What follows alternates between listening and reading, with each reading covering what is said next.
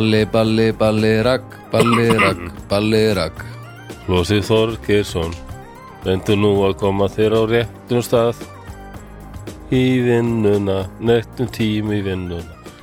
Flósi Þorgeirsson þú þarft að fara að leggja stað. En glemdu ekki að fara í bað svo þú lyktir ei Komiði sæl ágættu hlustundur og verið velkomin í drauga fortíðar Það erum við sem sitjum hér og við kynnum okkur núna. Eh, Ég er að tala, ég heiti Flósi Þorgjörsson. Og ég heiti Baldur Ragnarsson Já, það er rétt. og nú er ég að tala Já, já, já. Já, hvað segir þetta? Þetta var aldrei dimbrataður í, í dag. Já, ég, það er smá svona ég, ég geti náð þér ágætlega í dag já, ég, ég veit það ekki. Hvað segir Flósi? Ég ætla ekki að taka þáttinn svona svona Já, ég er náttúrulega beitir röddin ekki rétt. Ég heyri það alveg, ég hlustaði aðeins að þú varst að lega mér að heyra upptökuðnar þarna frá húrra. já, Og ég er alltaf að, ég færi röddin alltaf alltaf hærra upp heldur en hún, já ég veit ekki hvað, akkur ég gerir það, sko. En það er náttúrulega hún berst betur þannig svona öllu jafna sko Jó, líklega, sko. En, Mér var nú sagt samt af svona complete vocal tekník kennara, ég hefði svo mikið metal í hefði. metal ég væri með svona bassarödd sem, sem geti köttaði í gegn. Já, já. já, svona harður bassi Já, já, eitthvað svona, svona, svona, það er eftir að lýsa því, það er kallað metal þar, það er svona eitthvað já, svona, sumir sem tala með bassarödd, þau eru bara ósalega svona mjúkir. já, Já, það er alveg rosalega en, en ég hef eitthvað meira svona já, já, Já. smá svona tvang já, já, já, já. Nákvæmlega, þetta er svona Þetta er svona dútni kotta og möli kotta. Bæði, bæ, bæði hugsa til að sofa en, en aðeins svona önnur dýnamik nákvæmlega. Nákvæmlega. En þú ert þú varst náttúrulega að spila með ljóti hálfutunum Já. við erum að taka upp á mándegi og Já. Við, það er alltaf vorum náttúrulega þegar ljóti hálfutunum komið saman þá er eitthvað að fá sér. Já, og eitt er óregla og eitt er og ekki horfast í augu við vandamálin. Og það, við gerum það tvö kvöldi röð sko. Já, og sko, já, við tókum fyrst á lögadagur enna og svo voru við náttúrulega húrra á fyndeginum, draugarnir. Það rétt. Og það var nú svona já, þetta er búið að vera smá kyrsla bara sko. Já. en allt gekk mjög vel og húsfyllir allstaðar og ógeðslega gaman, hann að ég er ég er hamingju saman og djúbrataður Já, ég, fólk er að lusta og þið komið og húrra eða bara horfið á streymið þá bara kæra þakkir. Já, takk fyrir þetta, það er mjög áhugavert að láta vaða, við fórum náttúrulega bara ólinn ákvæðan bara Já, að já. sjá hvort það myndi ganga og, og þetta var ógeðslega gaman. Já, þetta tókst bara ljómandi vel sko. og sko ég því sem við gerum svolítið e eitthvað gagvart þessast forminu sko. Já, en það var voða lítið þetta var ægilega létt þetta spilaði sér alveg. Já, þetta var hillilega gaman. Já. og þeir sem hafa ekki hérna séð þetta nú þegar, þá er streymið það bara liggur inn á drauga Facebookinu eða hljóðkirkju Facebookinu, þannig að það er hægt að horfa á alla, hvað, tvo hálfa tíman eða eitthvað, hvað það nú var, sko. Já, eitthvað svo já. já, og takk fyrir að koma þessi komu, þetta var ógeðslega gaman. Já, og gott að það. vita að þetta getur við. Já nákvæmlega, þá vitum við hann. Bara. Ég held ég verði miklu minna stressaður fyrir næsta viðbyrði Já, mér fyndi þegar við vorum að fara á svið þá sagði við, já, já, flósi, nú erum við að fara að gera eitthvað sem við höfum aldrei gert áður. Já, já, og þá sagðist við að vera stressaður en samt meira spenntur. Já, það skilaði sér, svo kom fyrstu tíu myndunum voru bínu svona skrýtnar Jú. að finna tóninn og, og þú ert náttúrulega engin hérna, tæknimaður heldur, það kom líka ljósa náttúrulega að ert ekki sviðsmaður svona, já, mikrofónir réðast á mig. Það var náttúrulega það er samt frábært slapstick Já. sem maður þurfti nú að nýta sér. Já, en, en, en mikrofónu náttúrulega gera það ekki sko. mikrofónu er steindauðu hlutir. Já, já, og það var svona, já þú, þú varst ekki alveg að verka þetta eins og eins og best hefði verið hægt að gera sko. Þetta var indislegt að sjá þetta. Þetta var ágæðis byrjun held ég. Já, þetta var frábæbyrinn Já, þetta var En já, já. alveg einstakt sko. Ég- Já, þetta var ógæslega gaman. Og við erum eitthvað að skoða möguleika að, að, að kíkja út á land með þetta alveg Já. og eitthvað svona og, og finna út úr hlutunum. Já, við vorum að prófa það. Þetta verður að prófa það, en einmitt hljóðkirkjan hljóðkirkjan er hérna þetta hlaðvarps, þessi hlaðvarps þessi Já, hlaðvarps já. fjölskylda og, og það verði það fleiri Já, live viðbörður hljóðkirkjan algjörlega, við ætlum Er að eitthvað hafa planað? sko, hu- hugmyndin er alltaf fyrsti fimmtudagur í hverju mánuði Já, og þá er mismöðurandi hlaðverf sem koma fram og við erum í raun ekki búin að negla nákvæmlega hvað verður næst. Nei, en við ákveðum það mjög fljótlega og ef okkur uh, tekst uh, að gera það sem við erum að hugsa þá fer það ekki fram hjá ykkur. Nei. Þannig að, já, þið með bara, mér sýnist að þið með bara vonandi fara að venjast því að, að það verði svona viðbörur mánuðalega bara. Ég, ég myndi gerna vilja sjá dómstag og já, bestu plötuna og já, svo getur nú listamenn örgulega verið læfir já nei, þetta er nú alveg maður og, Eru nú mannir því? Já, þannig að það er, það er alveg hellingur sem er hægt að gera þarna. Já, En já, hljóðkirkjan, þetta er svona þetta er, þetta er þessi hlaðvars fjölskylda Mhm. sem uh, telur hinn og þessi hlaðvörp og, og einmitt já, þessi nýjasta viðbútt, ég myndi segja að það verið þessi uh, hérna lifandi viðbúruða klálega hljóðkirkjan með, með áhörund og uh, svo herðu við, við letum gera svona backdrop sem að þið sjáuð mitt í hérna Já. streyminu. Risastórt backdrop með nýja, eða með slókarinn sem Bibi kom með.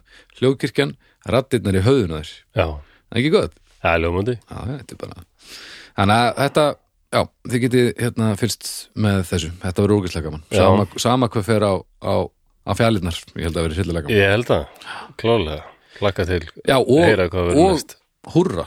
Ég vil líka, ég með langar bara, bara sjáta á húrra og, og, og fólki sem var að vinna þar, það var ekkit, að því að rafmagnin náttúrulega fór bara Það er rétt eh, rétt fyrir gegn og, og þá var bara gengið í það að bara, á, við finnum bara út úr þessu. Já, búið að setja kertaljós út um allt búið að fylla vaskina heitu við vatni e, búið að græja allt og gera bara áður en það leit út fyrir að þetta myndi endast fram að gegi já, það var allir svo slakir og þetta var ægilega gott að vera þarna og allir ægilega glaðir með þetta að- þannig já, að það var mjög fínt starfsfólkið. Já, það var ógæslega gaman.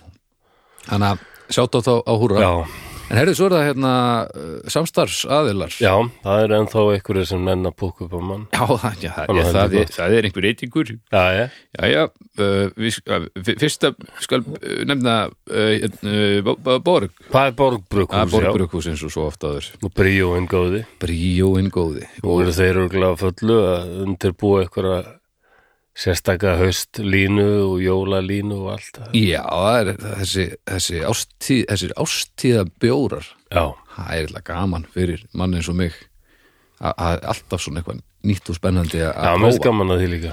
Og líka sko, svo sér maður hérna sömu hlutin að poppa upp aftur og aftur. Já.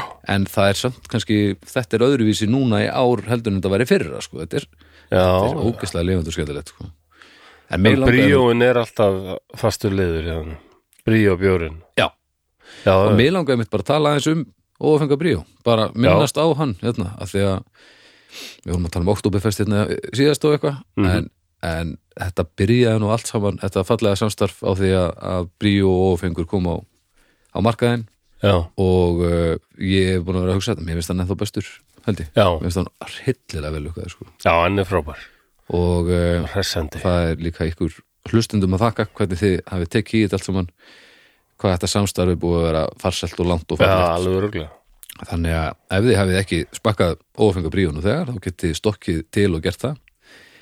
Og ef þið hafið gert það nú þegar þá vitið hvað við erum að tala um. Já, þannig að takk Borg enninu sinni fyrir að gera þetta með okkur. Og svo er komin viðbót líka. Nú, það er omnum omnum súkulaði Já, Já, heyrðu, hvað segir? Það er á á- á- áhuga svið Já, það er íslenskt. Já, það er íslenskt heldur betur. Það er mjög gott súkulaði Já, það, það er alveg, já, það er Það rosalega er líka gott, svona, eitthvað svona sköpunargleði sem greinilega er við völd þar. Já, ég er nefnilega sko og ég veit það fyrir vist sko að við vorum að tala við þau að hugsunin er sem sagt að súkulaði uppleifunin byrjar ekki þegar þú setur súkulaði upp í því sko heldur er þetta samspil allra skilningavitana þannig að þetta byrjar bara að já. sjá sjá plötuna, þá þarf að vera Já. lúkið þarf að vera gott og svo hvernig er að taka þetta í sundur og lyktin. Já, og ég hef einhvern veginn alltaf talað um það að heyrnin sé svona mitt skilningaveit sko. En ég hef aldrei orðið fyrir eins uh, hérna harkalegu impakti frá öðru skilningaviti áferðin á þessu súkulaði þetta fer svona upp með þetta bara svona byrjar að bráðna og einhvern veginn hverfa. Já, áferð hefur einhvern veginn aldrei verið og Nei, ég tengi það ekki alveg. Þú veist, jú, jú, bræðskinni hefur alveg komist á topp 5 yfir skilningavitt, það er alveg þannig. En, en á, já, þetta var svona en áferðin náttúrulega lítur eiginlega að vera meira snerti skinnið, heldur en bræðið náttúrulega, Jú, en, en tungan náttúrulega finnur þetta samt vel sko. Ég, Já, já. Það er ekki fólk sem getur ekki borðað sem að hluti bara ekki, það er ekki beint bræðið, heldur oft bara áferðið já, akkurat. Svo sveppir sko, sem við finnst þér bara svo já, Og mjúkir svo- eitthvað. svo- já, já, nákvæmlega en þarna, þarna er það öfugt við mér sko að þarna allt er komið áferð sem let þetta verða betra og ég er bara ekkert vanur því að því ég held ég, held ég væri enginn áferðað maður sko þannig að þetta kom pínu skemmtilega já, og þetta er bara ógeðslega gaman að borða þetta einhvern veginn, frá upphæði til enda fyrir utan náttúrulega hvað þetta er gott súkulegi Já, bara hvað er búið að einhvern veginn að, hugsa fyrir öllu og gera svona stærri, stærri stemmara stærri já. sko. Þannig að það er gaman að omnum sé uh, komið í liðið og, og ég veit að Snæbjörn uh, Bibi bróðir er að bjóða upp á þetta í, í sínum þætti í spjallættinum þannig að það er alltaf kaffi og, og, og súkulæg þannig að við bjóðum alveg. omnum, omnum liða verið velkomin í, í hlugkirkjuna og, og takk fyrir aðstúðana við að gera draugafortíðar þetta er ykkur hugmynd að skýra stofna band sem heitir Áferð. Já. Fyrsta platan heitir bara Áferð inn, Áferðinni Áferð á ferðinni ja. eh, eða Áferð inni. Það verður þetta að leika sér svo mikið með þetta. Nei, þetta er nokkið góð hugmynd. Við, Nei, þetta virkar ekki. Nei, þetta er svolítið svona, mér líður eins og þetta sé maður sé að barni handsprengju sem við leiktuðum með þetta. Á ferðinni, Já. áferð inni. Á, á ferð inn Þetta er eins og óðfluga nálgast óðfluga. Já, Já, já, já, já, já. Áferð á súkulega Já, það er semst, já, brí og omnum Það eru styrtaraðalega Já. Það er gott að hafa styrtaraðalega Það er gott að eiga góða Takk fyrir Já. okkur. En þetta er, þú veist hvað ég er að fara að segja frá, frá núna. Já. Þetta er Pa- Patreon. Þetta er nefnilega mál, sko, við erum svolítið sent á ferðinu með þetta. Já, en uh, uh, þetta er sem sagt það sem að, að Patreon djáknarnir kusu fyrir þá síðasta mánuðurunni en, en uh, sökum bara Anna og, og, og, og, og alls kyns já, þá uh, erum við fyrst að komast í þetta núna. Já. En þetta er sem sé þú, það valið var á milli ekki, Ég er enn að muna það það voru voru- ráðmörðingjar Já. sem höfðu áhrif á samfélagið sitt eða eitthvað, eitthvað svoleiðis. Svona, Já, og, náðust aldrei.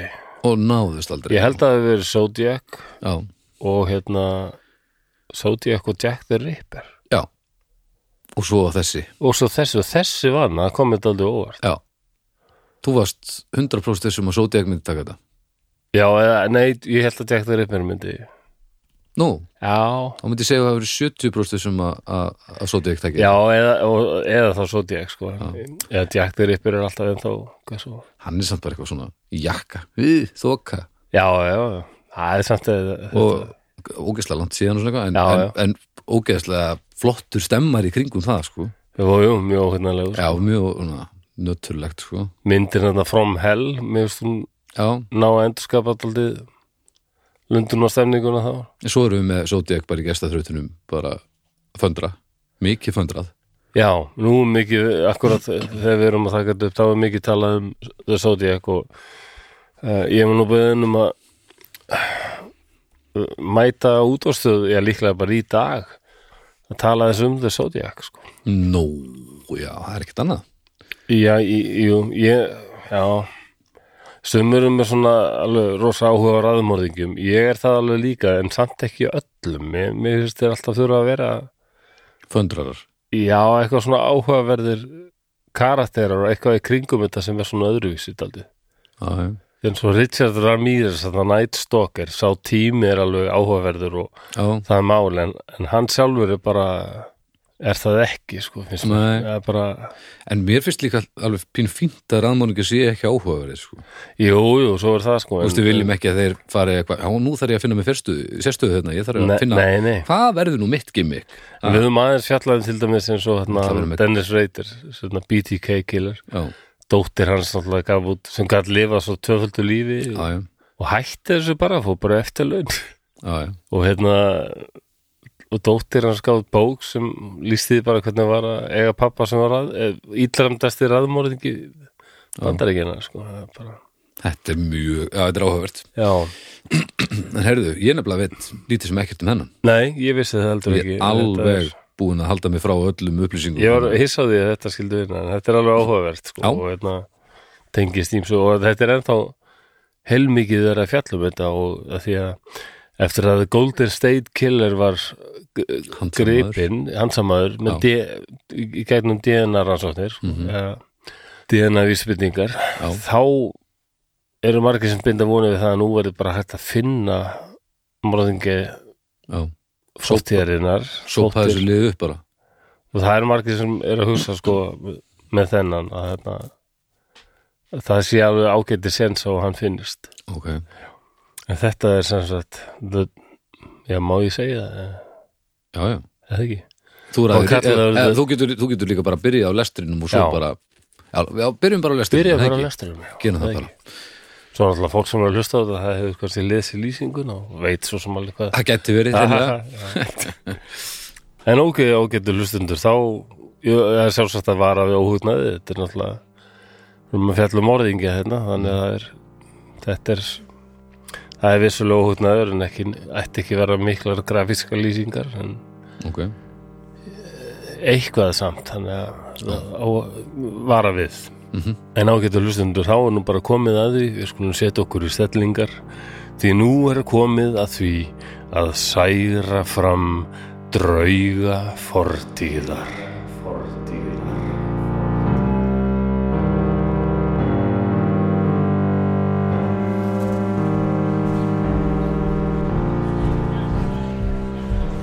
Miðaldra maður gengur inn á skemmtistað í San Francisco í ársbyrjun 1974. Hann er óörugur og reyndar hefur hann verið það mest alla æfi sína. Það hefur tekið hann nokkur tíma að sapna kjarki til að fara þarna inn. Hann sér samt strax að hann er á réttum stað. Því hér eru margir karlmenn sem láta vel hvorað öðrum, kissast, hlæja og dansa. Eftir nokkra stund slakar maðurinn meira á. Hann finnur nú að þarna getur hann verið án þess að þurfa að skamma sín eða eiga á hættu að verða fyrir aðdróttunum eða jafnvel óðböldi. Maðurinn fær sér nokkra drikki og spjallar við staðargesti. Aðeins mætir honum gleði og góðvild. Honum er farið að líða mun betur. Skyndilega sest einhver rétt hjá honum. Hann lítur til hliðar og sér að þetta er afar fallegur, ungur maður. Maðurinn brosir til hans og skín í fannkvítar tennur. Ungi maðurinn byrjar að spjalla og spyr hvort hann megi ekki bjóð upp á drikk. Eldri maðurinn verður vandræðalegur. Það gerist nær aldrei að fallegir og ungir menn síni honum aðtekli. Þeir drekka og spjalla. Ungi maðurinn er afar heillandi og vinalegur. Hann seilist í vasa sinn og lítur um leið hálf skömmustulega á eldri mannin. Svo sýnir hann honum litla brefþurku af barnum. Á þurkunni er lítil teiknuð mynd af manni. Þetta er vel teiknað og skyndilega áttar eldri maðurinn sig á því að þetta er mynd af honum. Ungi maðurinn kýmir og segist hafa teiknað þetta í laumi áður en hann settist og fór að spjalla. Eldri maðurinn veit ekki hvað hann á að segja. Sjaldan hefur hann upplifað slíkt en hann finnur til mikillar hlýju og væntumþykju er hann skoðar myndina sem sá ungi hefur teiknað af honum. Ungi maðurinn spyr hvort þeir eigi ekki að fara eitthvað þar sem er meira næði. Aftur trúir eldri maðurinn ekki hefni sinni en hann er fljótur að segja já. Þeir kveðja skemmtistæðin. Veður er mild þó að það sé vetur og þeir fara niður á strönd. Þeir ganga, spjalla og daðra við korn annan. Eldri manninum líður vel. Hann seilist eftir hendi unga mannsins. Sá ungi tekur í hendina En skyndilega kippar hann henni að sér. Eldri maðurinn snýr sér við og ætlar að spyrja hvort ekki sé allt í lægi. En hann þagnar er hann sér augu unga mannsins. Öll lýja er horfin úr þeim. Þau eru ísköld og andlit unga mannsins er alvarlegt, nánast hatursfullt. Skyndilega sér eldri maðurinn blika á eitthvað og lítur á hendur unga mannsins. Þá sér hann hnífin. Nokkrum klukkustundum setna koma lauruglumennir. Þeir finna hann fljótt. Hann liggur á grúfu og sjórin skvettist reglulega yfir líkið.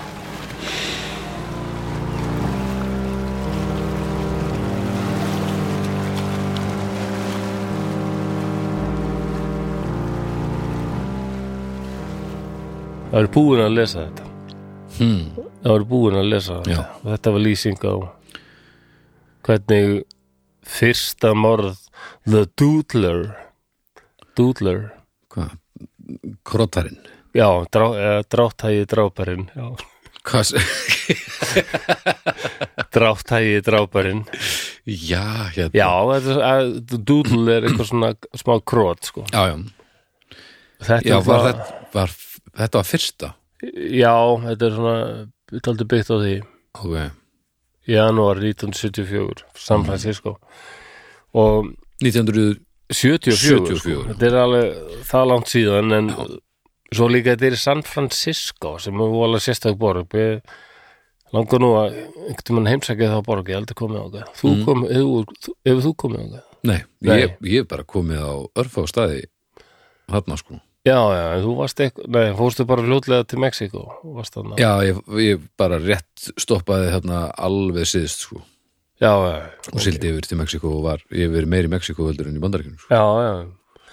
Um, já, San Francisco hefur þetta orð á sér að vera svona já, það er svona hippa mikil hippa fílingur þar á hippa tímanum og svona og það þetta orð á sér að vera mikið frjálslindi og, og samkynneigðir sko leituðu mikið til San, Francisco. Já, en ég hlustaði podcast um þetta mál og, og horfði líka á YouTube þar sem er svona þau eru fimm Kevin Fegan sem er, er með þetta podcast og hefur rannsakað þetta mál mjög vel.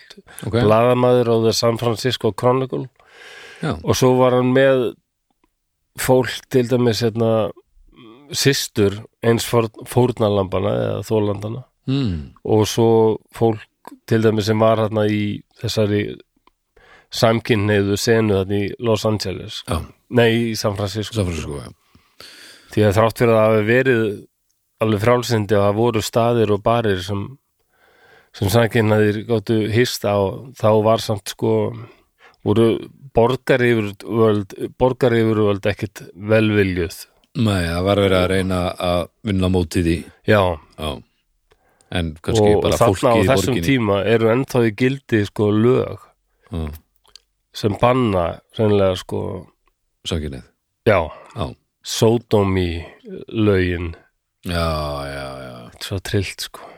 Já 74 og þarna er ég held að það akkurat vera það ár sem hérna bandarísku geðlætna samtökin ákvæðu að taka sæmkynneið af lista yfir geðsjúdóma já, já, þannig að ok. það verður eitthvað að gerast. En þarna, þarna en þe- þegar talaðum um það sko þau mættu náttúrulega bara eh, engur skilningi á lögreglunni sko. Nei, nei, og, og þau talaði aldrei um þennan morðingja sem eitthvað sem lögreglan setti þetta ekkit í númer eitt Í sko að rannsaka þetta því að, af því að hann var bara að drepa eitthvað fólk að það sem mörgum fannst bara Þetta er sömu sögurnar og, og hérna maður hefur heyrt að þegar að þegar hérna raðmörgjar voru að velja vændiskonur fyrst og já, fremst akkurat. að þótt þetta var ekki sett í forganga því að, að e, sum líf er ekki jafn merkileg og önnur líf greinlega já, það er, er það sama hér. Það er bara það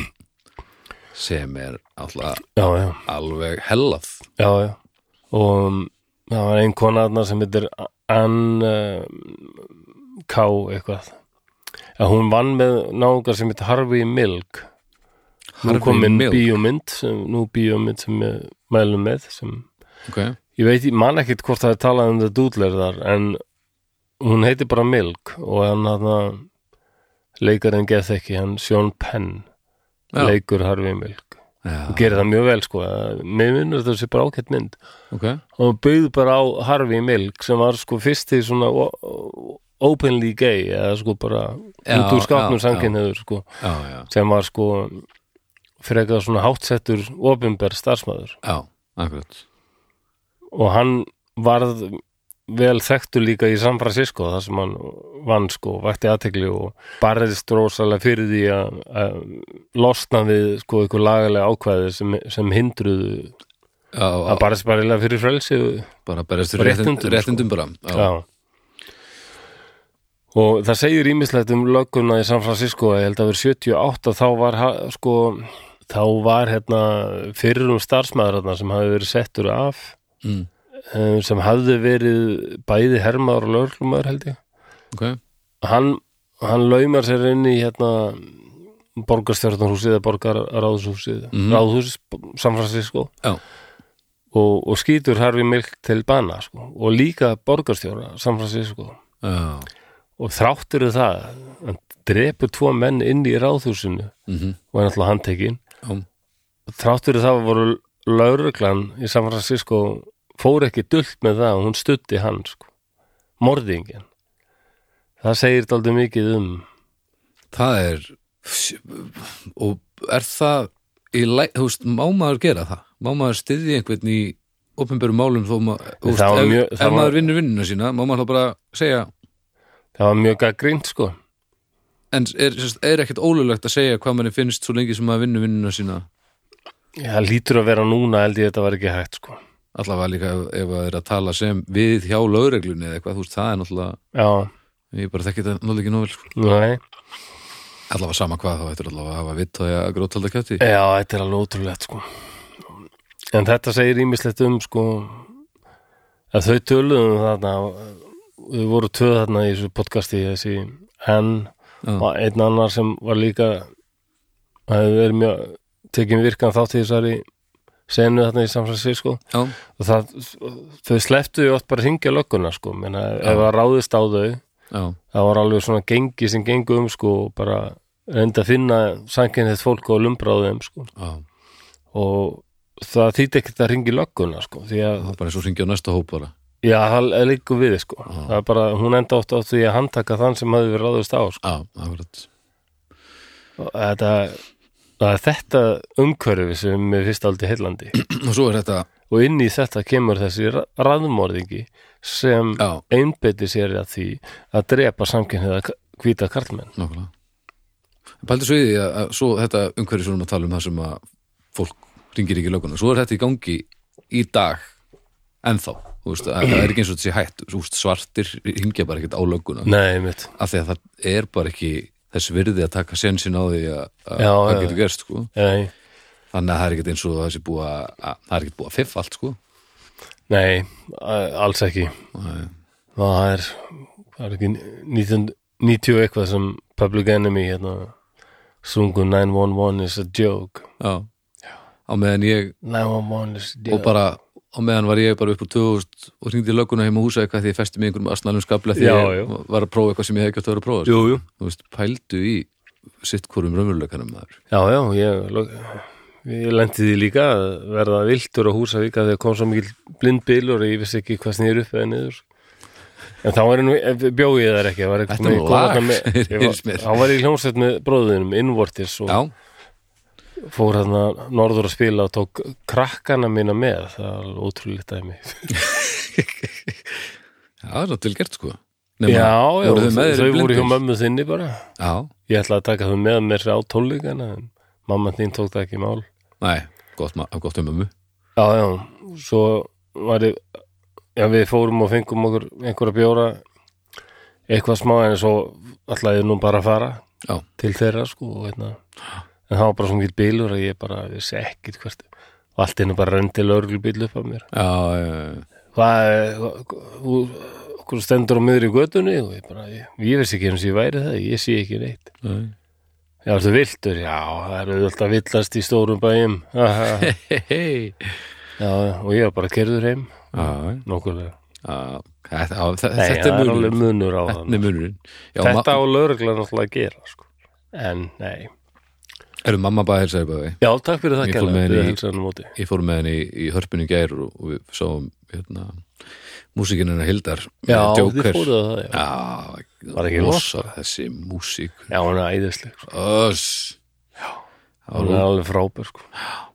En já, Já, í dag er eitthvað 40-50 morð á ári í San Francisco, eitthvað svo leiðis 40-50 morð á ári En á þessum tíma þá voru viku, svona eitthvað. 130 til 140 sko.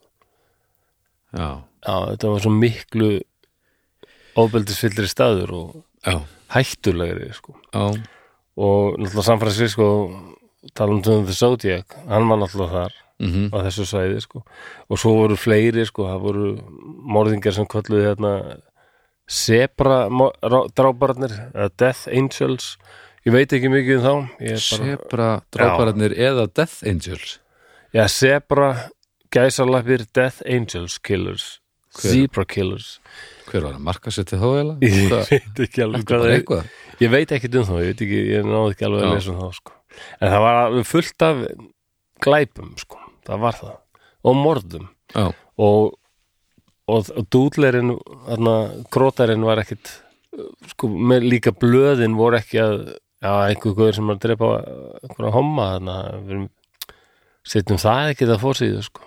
já menar að það var ekkert nafn og nei, nei, sko það var eitthvað svona ekkert momentum í gangi Nei, nei. kringum það eitthvað sérstaklega Já, og þarna var sko á svipum tíma þá var kom nýtt bref frá The Zodiac sem hefði ekki látið heyra í sér í mörg ár sko mm. þannig að það var náttúrulega alveg að forsýðu sko en, Jú, en, þetta já, þetta er nefnilega aldrei voðalega Þetta er svo alveg, voðalegt lið. Já, og það voru alveg sko vitni. Nýja brefi með Zodiac er besta efni sem hann hefur gefið út alveg frá því að á gullalda tímanum þetta er bara eins og, já, já, eins og úst, að meitin sé að koma saman aftur þetta er svona það er svo skrítið hvernig umræðan hvað fjölmiðlar get ekki neitt þessir um að, að setja þetta fremst af því að það hafa allir áhuga á þessu. Já, já. það er svo hellað sko. um, það voru hérna vitni samt, fólk sem slapp frá morðingjanum, krótaranum. Já, Við vitum enn þannig að í dag ekki hver þau eru, til dæmis er eitt þeirra við vitum hann er, var einhver diplomati í utanreikistjónustum, kannski erlendur. Ok. Og hérna erlendur maður svo satt ekki, hann hét ekki erlendur, hann var ekki íslensku nei. Það, þessi var fín Já, já, ok. Ánað þennan Já, hann var erlendur sko. Og hérna hann vildi bara alls ekki að nafnans kemur fram að því að þá er bara ferillin ónýtur sko. Já, já, já. Já, og hinn var leikari og það löggan auðlaði út úr sér að þetta væri þjóðþektur einstaklingur. Og það er alltaf mi- mikið verið spáði hver getur það hafi verið sem lendi í krotarunum en slapp. Já, um, að koma ymsið til greina sem kannski hlustendur tengi ekki mikið við er alltaf sumir pældu í hvort það geti verið hérna, Johnny Ray sem var hérna, tónlistamæður sem er nú hálfpartinu glemtur í dag sko. já, Richard Chamberlain leikari, Rock Hudson leikari sem manna var voða frægur þegar að hann var einn af þeim fyrstu sem fekk AIDS já, og Rock Hudson var svo mikið karlmennsku ímynd sko. já. Og svo kemur í ljós að hann var sangvinnöður já. sem allir vissu sem voru stóðan nær. sem þetta er eitthvað í alvörunni. Og sem við talja líklegast að hafi verið leikari sem við Sal Minio, ok, Um, en það, en, sagt, en það var ekki tekt að koma undir fram nei, undir nafni þeir alltaf koma það er líklega ekkit eins og þetta hvort sem eru á lífi í dag eða ekki sko, bara fólk forðaðist mjög mikið að, að koma fram ekki opinbili eða svoleiðis. Já, já, og þessum tíma eðlilega, veist það flækir, það gerir allt miklu verra þannig að Það er ósalt sem myndir frá San Francisco þessum tíma að, þeir stopnuðu sko eigin svona að samkynneigðir sko, það voru alveg svona hverfir sem voru aldrei svona sem þeir leituðu í. Mhm. og kl- þar sem voru klúbar og barir sko. Mm.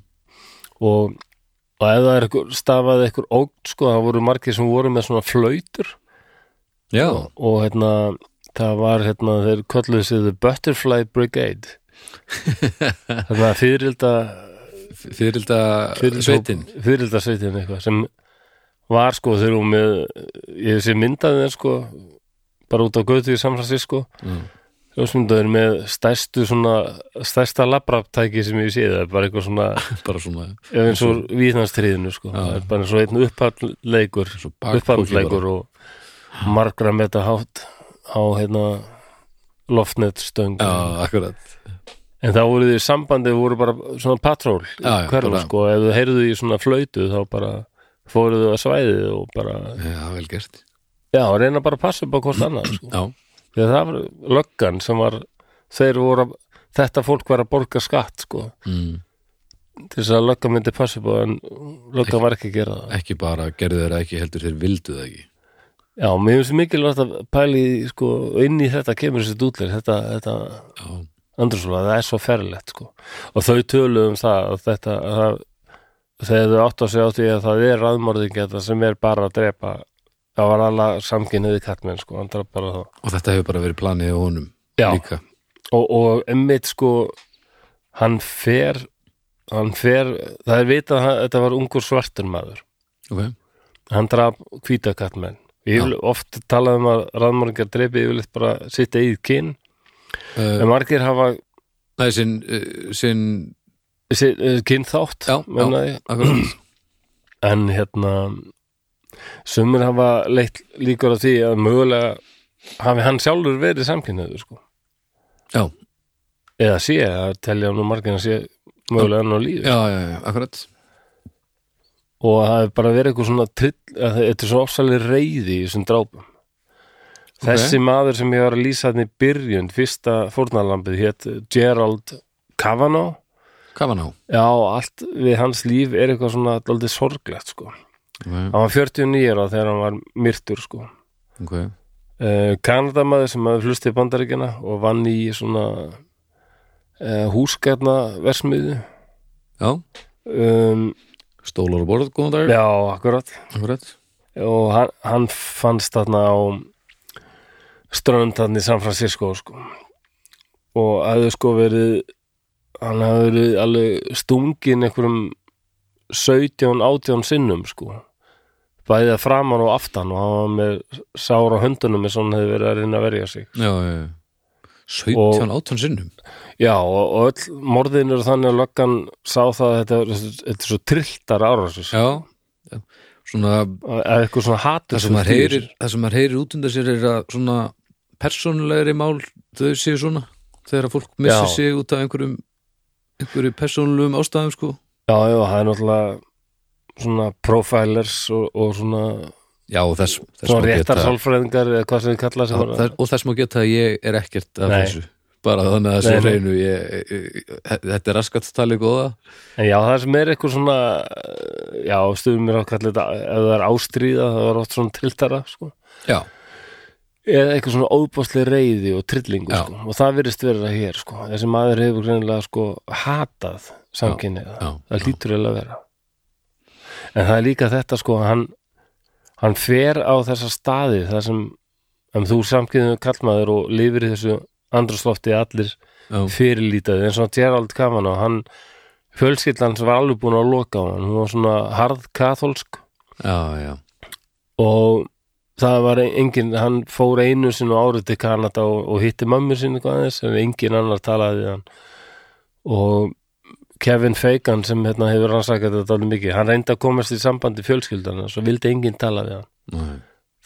Latinu hefur samband sko einhver hérna sonur, bróður sonar Geralds, eitthvað svo leiðis já, alveg svona, bara næsta kynsluð já sem sem, sem þekkt hann eiginlega ekkert sko, hann hefði heyrt svona aðeins og aðeins má áhuga þessu sko. já, og bara þeir töluðu hann saman og hann sagði hvað, hann lísti því hvernig fjölskyldan væri og bara, það eiginlega aldrei talað um hann og hérna, bara hann var alveg lokað og hann, það var eitthvað svo það var alveg sorglegt veginn.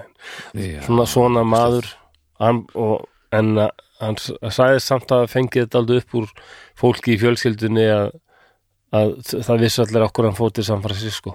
Bara því að þar var gæti svona óeðli já, já, já, þetta er voða sorglegt, sorglegt eitthvað.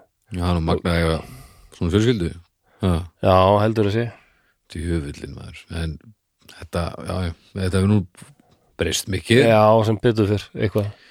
Og Kevin Fegan, hann hérna já, hann, hann er svona reynir að skiknast á baku tjöldin sko, og, og læri eitthvað um fórðarlömbin líka sko. já, akkurat. Og já, þessi, þessi, þessi lýsing sko 49 ára gamall sko miðaldra hommi og þú hérna átt engan að eiginlega. Mm og kemur svo á svona stað -hmm. og í þessu umhverfi það sem er sko bara hálf fyrirlitin einhvern veginn og engin stuðningur frá hún opinbera. Mm. en þarna hittur þú sko fólk sem er eins og þú. Já, þarna getur slakað á já, og brosa og liðið vel. Pældu og, það, þá, þarna situr hann í leini sko. Pældi ég að hafa aldrei fengið að, að vera eh, maður sjálfur og, og svo bara þegar maður er orðin undir 50 eða bara 40 eða eitthvað þá allt nú gerist það. Pældu í hvað lítur að vera fucking já ég get ekki það klikkað maður. Það er eftir að setja sig í þessu spori ég sá Já. ekki um að stuttmynd sem fjallaði þar, þar var þessu snúið við. Í stuttmyndina voru allir sko samkynniður uh, en þetta var um, um einhverja stelpu. Mm, sem verður ástofangin af strák. Mm, og hérna og, fjölsk, og mömmurnar hennar já, bregðast ekki vel við. Nei og, og þetta kemst upp sko, einhver sáðu kissast mm, og hún verður alveg bara fyrir svoleiðis rosalum ásátnum sko. er en að þetta var alltaf sérst að sjá þetta því að við erum að sjá okkur sem okkur fyrst já, okkur er kent að sé eðlilegt samband. Já, að- þetta sá maður alltaf fylgur hryllingur hlýtur þetta að vera sko. ég held þetta, já. Að eiga, eiga aldrei stund þar sem að neitt segir þér að þú sért í lægi einhvern veginn. Já, Pældu hvernig anskotanum hann var að- halda uppi tilvist þann, undir þeim formið Já, og mér finnst þetta líka svo og hann situr fyrir þeim á þessum stöðum sko, það sem þeir geta slakað á og hitt aðra. Og, og þetta er eitthvað svo Djú, ke- kemur til þín- mikill drulli ég veit það og koma Djöfull til því með svona mynd heyrðu, þú, ég var nú að fylgjast með þeirra fjarska. Mér þú svo glæsilegu maður, ég teiknaði þetta smá myndaðir, þetta er náttúrulega einhvern veginn svona slæður öllu vopnur höndunum þér og maður, maður getur en orðið ossalega hrifin þetta er svona pínu takk í pekublína sko. Já, já, fyrir ekki að ég var já, já ég satt hérna inn um nærbygginu og ég, bara var alveg að tekna Já, þarna held ég að norður Európumadurinn í þér sé nú að tala sko. nei og svo eru hann hljóma náttúrulega eins og hann hafi verið rosalega sjarmirandi maður Já, hann var það, Og- líkt hann sko, og fallegur og sjarmirandi fólk kemst upp með að gera astnala hluti Já. og þeir, halda, þeir verða sjarmirandi af því að fólk er nú sjarmirandi sko. Já, já, þannig að já, eins, eins einstaklings pickup-lína getur verið annars sta, eh, bara stærsta fall. Já, bældi Þannig að Harry Milk sagði skiska á það að svona samþykkur þetta bara. 25% uh, samkynniðra kallmanna í San Francisco já. væru sko í, inn í skápnum. Þau þyrði ekki að koma út. Hversu stór, allavega sko 25% vilda meina fjóruðungur já, sem væri bara alveg harðlokaðir inn í skápnum já, bara þyrði ekkert að það var miklu meira mál þá já, að koma út. En það, það er, en samt eins og með the Ripper þá er alveg fimm sem lögreglanir samfærðum að það er allt hans fornalamb fimm? Já en, en þeir segja það er alltaf með svona er talið að tala hann sem miklu herri sko. já. hann hafi drepið ge- mei, mögulega sko 15 svo líka svo erfitt með ræðmörgja að, að að þeir eru svo undarlega blandaði ú, ég vil ekki láta hann á mér en ég vil samt að allir viti hver ég er. Gestarittir Já. en lendó, lendó, eitthvað. Já, já, og svo þegar er nást þá vilja nei, nei, nei, ég, draf bara já. eða ég draf 800 þú veist, það, það er ekki sens að taka hann innu trúanlegu nema þeir geti bara pinpointað já, á allt saman. Að þetta, þetta keirir ekkert á það er enginn sem, hún er aldrei raðmörg hann bara eitthvað, já ég skal bara segja nákvæmlega hvernig þetta er. Nei. Staðarind að þetta er alltaf einhver svona Ég hef heyrt á skýringu að það sé svona síðasta kontról sem þeir hafi. Já, er það ekki? Og þú veist, þetta ljóta að vera einhver undatekningar ég segi það ekki, veist, þetta er ekki alveg algilt algilt en þetta vilist vera alveg sláandi já. svona eitthvað. Það er það. Já, já, mm. En hvað svo er, 15 mest en stva, en allavega fimm, staðfestir? fimm staðfest sko. ok, en hann hefur Og- náttúrulega náðust er það? Nei, en það er núna mikið verið að spá í því sko. Núna hefur lögreglan meiri áhuga á þessu sko. Mm. og hérna mörgum lögreglumönum í samfæðsins í dag finnst sem að lögreglan hafi alveg brúðist á sínum tíma sko. Já. og það eru til dæmis talandi um The Zodiac Killer sko, þá var bara nýlega verið að það var svona fyrrum það oft þeir fara á eftirlaun þessir- þetta fólk sko, þeir hætti ekkit hætti ekki, þau hætti ekkit sko. þetta er alveg sko 40 manns sem voru að gefa, setja frá sér í svona cold case team. Já, það er stundu þau fara á já. eftirlaun þá halda það bara áfram með að fara vinna einhverjum svona cold cases sem það kalla svona. Já, sem, það sem morðingin er aldrei fundist eða eitthvað svo mm en núna er meiri möguleikar því að það voru hlutir sem fundust á einum morðstað mm. eh, sem talið að þykir líklegt að geti verið sko að að eh, krótarinn hafi myrt það það fórna lamba. En eh, löggunum fannst þetta daldið öðruvísi að því að hann var ekki myrtu með hnífi sko, annars var hann alltaf með hníf. Uh, er er, þetta er ekki þá eitt af þessum fimm þetta er mögulega Nei, þetta er líklega um sex sko. Þannig að það er er, fimm þetta er mál hvítur sko, hvítur samkynnaðu kallmaður já, og hann finnst dáinn sko bara mjög nálægt það sem margir, sem til dæmis þessi, þessi já, fyrsti var myrtur sko, já, ok. En myrtur með steini sko, slegin með steini í höfuði sko, það er eitthvað klikkað. Já, en hvað er þá DNA eitthvað sem var hægt að vinna með það eða? Það fundust einhver hlutir því miður er lögreglæri í San Francisco búin að týna þeim Nei, Já, en það getur vel verið að þeir séu einhverstaðar, víst. Það er víst alveg bara hrúa af dóti sem, sem, er geimslan illa Já. já, það er bara eitthvað færist fyrir. Ó, Það það er standað en þú vonir til að kannski komið þér í leitirna, sko. Kannski. Og svo ein- er mögulega einhver aður, eitthvað annað, sko. En Marandi Sótek þá sagt var, já, þetta er alveg 40 manns, ég held þetta er bara verið tveir eða þrýr, þetta er alveg 40 manna teimi sem telur sér núna að vera búin að finna, Já, ha, Eh, vita hvað þetta er. já, og hann pínu pyrrandi er einist að, að hann dó bara verið tömrunum nei þreymur Já, þess- þessi sem þeir að tala um. Já, Já. hann er bara tiltölulega nýt áinn held ég. Ja, 2019. Já, okkur svo leiðis, já það ekki hann er pyrrandi Já, ég fór strax að leita samt þarna varandi Zodiac, þá er náungi sem heitir Tom Voigt Hann setti upp síðu um The Zodiac Killer mm. á internetinu árið 1998 sko, sem heitir bara zodiackiller.com já, og Tom Voigt er eiginlega bara ég held að sé bara leitun að einhverjum sem viti ég mikið um The Zodiac Killer sko. Og hann er strax búin að segja, nei, þetta er bara bull. Þetta er ekki það er að því að en það getur samt líka verið bara því að hann þarf að halda áfram að vera þessi ykkur Ek, það er möguleikir, sko. mér dattaði hug líka sko. nei, ég meina, ef maður er búin að investa ef þú kemur upp heimasíðu um eitthvað 98, já, þá ertu að hugsa til framtíða sko.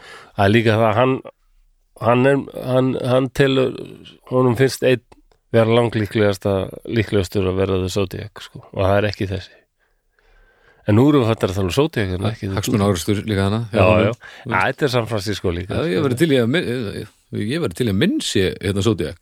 Þetta er, þetta er svolítið, þetta svolítið. Jó, það má vel vera að segja eitthvað svoleiði sko. en já, krott, krott er krott samt, þetta var hættulegt og þetta var erfitt og löggan var og yfirvöld völd voru alls ekki uh, vinnveitt en samt var San Francisco alveg langskásti staður af mörgum í bandaríkjunum. Það var eitthvað þar sko. Já, já, en 74, já, það, þessi lög eru ennþá í gangi sko. Og mér sagði sko mér sagði klæðast bara kvæmarsvötum, það var líka ólöglegt. Já. Já, og þá komum við að Ah. næsta fórðalambi sem ég finnst rosalega sorglegt af því ég horfði líka á, á hérna, YouTube systur hans verið að segja frá honum ok, og þeir voru mikið löggan sko að vera óenginnisklættir mm. og, og reyna þykjast þeirra á hommar sko. Og, hérna, bara og, og mæta það sem sko hommar voru er að heita hvern annan sko. Mm. og, og svo bara draga frá jú þandikinn bara, mann hristi þetta eitthvað svo klikkað í dag. Shit, ég veit það, það var bara sérstakar svona homma leiturnar sveitir. skipula sk- skipulög mannvonska bara það var ekki fyrir 76 sem Kalifornía bara losaði sig við þessi lög. Ok, þá var samkynnið ekki lengur bönnuð með lögum. Mm. já, en hvernig Dúdler, já. hann heitir Dúdler af því að hann, það er dúdlulega svona, svona krót eða svona lítil teikning sko. já, teknaði hann sérst þessa fimm, er það vitað eða er bara, er þetta bara gisk? Nei, hann virðist að hafa gert þetta í, í, bara í langflestum tilvíkum sko. ok, við vitum það ekki alltaf sko. og hvernig vitum við en það? það? voru vitni sem til dæmis sluppu sko. þau höfðu upp já, já, já, já, þau feng, og þau fengu mynd eins og, já, já, já. Og svo var fólk sem hefði taldi sig hafa orðið vitni að það sko, séð þetta. Ok, séð hann. Já, það er til póli, eh, svona lauruglu skets af honum sko, það er eitthvað alltaf mér svona lauruglu, svona tekni, tekni sketsar, alltaf rosalega maður. Já, þetta er líka bara það er rosalega miklu líkur á þetta sé ég rétt sko. Nefna, Já, þú myndina. þetta þetta hefur náttúrulega hjálpað, ég segi það ekki og, alveg, en, já, en hva, ég hugsa að hlutvalli sé ekki gott af neglum versus bara einhver drulli sem er ekki til. Nei og eh, aftur um sóti eitthvað þeir hérna segja þessi nýja Gary Post sem þeir halda sig sóti eitthvað sko, þeir benda á til dæmis að í þessu sketsi Já, þá eru svona uh, för í enninu og hann hefði líka verið með svipuð för í enninu. Mér finnst þetta rosalega langsótt með þér svona, svona prukkur einhverjar enninu sko. já, já. Mér finnst þetta langsótt. Já, ég, ég er í útuvelli sko. Ég veit ekkert hvað hvað á að líti nema bara eitthvað svona sem maður hefur lært út undir sér en, en allavega svona tekna upp andlit eftir minni einhvers. Ég, ég ætti erfitt með að tekna því nei, tekna því, ég ætti erfitt með að tekna það alveg ég ætti erfitt með að trista því sko. Já, því bara maður, já, eins og vorum að tala um minnum daginn minni fólks og, og hversu, já, já. Hvað getur verið hversu galla það er. Já, já, því miður sko. Tala um þú þarft að, að koma þig frá þér í orðiði yfir í hug einhvers annars og hann þarf að koma yfir blað. Um, já, og svo, svo líða nokkru mánuði sko og svo er það í, júni lok júni 74, það er kona sem er að lappa bara stæma á morg, morg, morgunin með hundin sinn sko mm -hmm. og hún finnur lík mm. um, og það er fórðarlamp nummer 2 sem hétt uh, Jay Stevens og er bara uh, hvað, 24-5 ára gamall sko. Mm. hann var svona dragdrottning já, og var eiginlega aldrei rísandi stjarna já, ok. Í því sko. Og, og ég hlustaði mitt á hann að Melisu hérna systur hans já, já, hann á YouTube segja frá hann það var svona það er daldið magnað að horfa á aðstandanda fórnalamsins já, vera að segja frá og, var annar hérna þau voru all fimm saman svona videomíting sko. Mm. og það var annar hérna sem hafi verið í þessari geysenu sem myndi líka eftir honum svo, og sagði bara hann var alveg æðislu sko. já, þegar hann tróði upp á klubum í draki, söng og svo var hann líka með stand-up. Og- bara svo, ókesslega fyndin, grænjöllar hlátri. Og var eiginlega daldið sko, hann var bara, hann var búinn að fá gig í Boston til dæmis. Og Ok. þau voru allir, sýstir hans vann mikið með honum sko, og söng með honum og þau, já, já, og stutt hann sko. Ok. Og henni var alveg saman þótt að hann væri gay sko, hún bara Já. elskaði bara bróðu sinna og var ræðislega persóna. Já, og hún sagði frá því að þau voru frá Texas sko. Já, hún sagði bara, uh, hvernig við segja þetta uh, pappi er rosalega mikill Texas maður. Mm. og hann bara sparkaði Jay um leið og Jay bara kom út sko, sagði ég bara, ég er gay. Ég bara vil vera í kömmasfötum ég fíla það betur vel gert. Ha, bara í Texas? Já, vitandi hvernig pabbi sinn er? Já, og pappans bara hent honum út og hann fyrir til San Francisco en já. sem betur fer þá voru þeir búin að sættast sko. voru þeir búnir? já, hann var alveg búin að sættast við þetta Já, ok, og einhvern Já. tímann, hún sagði einhvern tímann þegar hann er gott upp á framhaldi. Já, einhvern tímann þegar Dave var að fara sko, einhvern tímann þegar Dave var, þau voru í heimsóknandi San Francisco. Mm. uh, hjónin frá Texas og, og hérna, Dave var að fara hann þurfti að tróða upp á klúbnum sko, þetta var bara vinnan hans. Já, já, þá var það pappans sem hérna, rendið upp rennilásnum aftan að kjólunum sko. já, já. hann var alveg bara búin að læra bara Trykkin að samþykja þetta Æ, mikið ákveð. já, en Líka bara upp á bara það sem eftir var af lífi gamla Texasmanns veist, þetta þegar að fólk missir já, uh, nákomið fólk og, og fattar svo hvað var ángstætt eða var ekki búið að segja eitthvað sem að hugsaði eða eitthvað? Þetta Nei. getur gjörsanlega gengið, gengið bara gengið frá fólki sko. ég held það alveg, alveg örglegt ég vil ekki ímynda með það. En það er svo líka, en samt eins og þessu máli hann hefur náttúrulega ekki fundist helvið til skrótt drullin, nei, nei, þannig að og, það er, það, það þau er sögðu þetta alveg náttúrulega eðilega alveg fjölskyldurna að missa hann já, það er annað náttúrulega sem að gjörsanlega tætir fólki í sig sko, það er þessi að þegar er ekki er ekki þetta réttlæti sko. En hún, hún var köllu til og Melissa til þess að byrja að kensla bróður sinn og hún sagði bara það var varla ég þekkt hann sko. Já, var svo illa útleikinn sko. á, ok, hann var einmitt verið stungin margóft og líka lamin svo svakalega og einmitt í framann sko. það var einmitt aftur þessi opaslega reyði sem er í morðinganum mm. trillingur og hatur einhvern veginn. Og þessi fjölskylda nú bara þurfti að upplega ímislegt þessi fjölskylda sko, Stevens fjölskyldan. Ok, um, því að systir þeirra hérna Melissu og Jay sem Mm. heitir Alma mm hún var ekki heil á geðsmunum. Ok. Og hún var einhvern veginn samfærið um það að einhverju illir andar þau losnaðu læðingi um, þegar Jay var myrtur sko. og Já. þremur mánu eftir að hann deyr þá myrður hún móður sína hlutar hann í sundur ha, og já, hlutar hann í sundur Æ, ég, ég er að hlæja bara ég er ekki að hlæja en bara nei bara þetta er bara svo fáralegt að ég bara, Bara- gaf frá mér svona já, nei, bara hva, hvernig kemur Já. þetta fyrir sama allavega, já, já, hún hlutar hann í sundur Mm. Og hérna hendir henni inn í arinin og kveikir upp í sko. Bara brennir hann þar. Og og, svo kemur Melissa sýstirinn heim. Þá ræðst hún á hana með sleggju og slasar hana sko.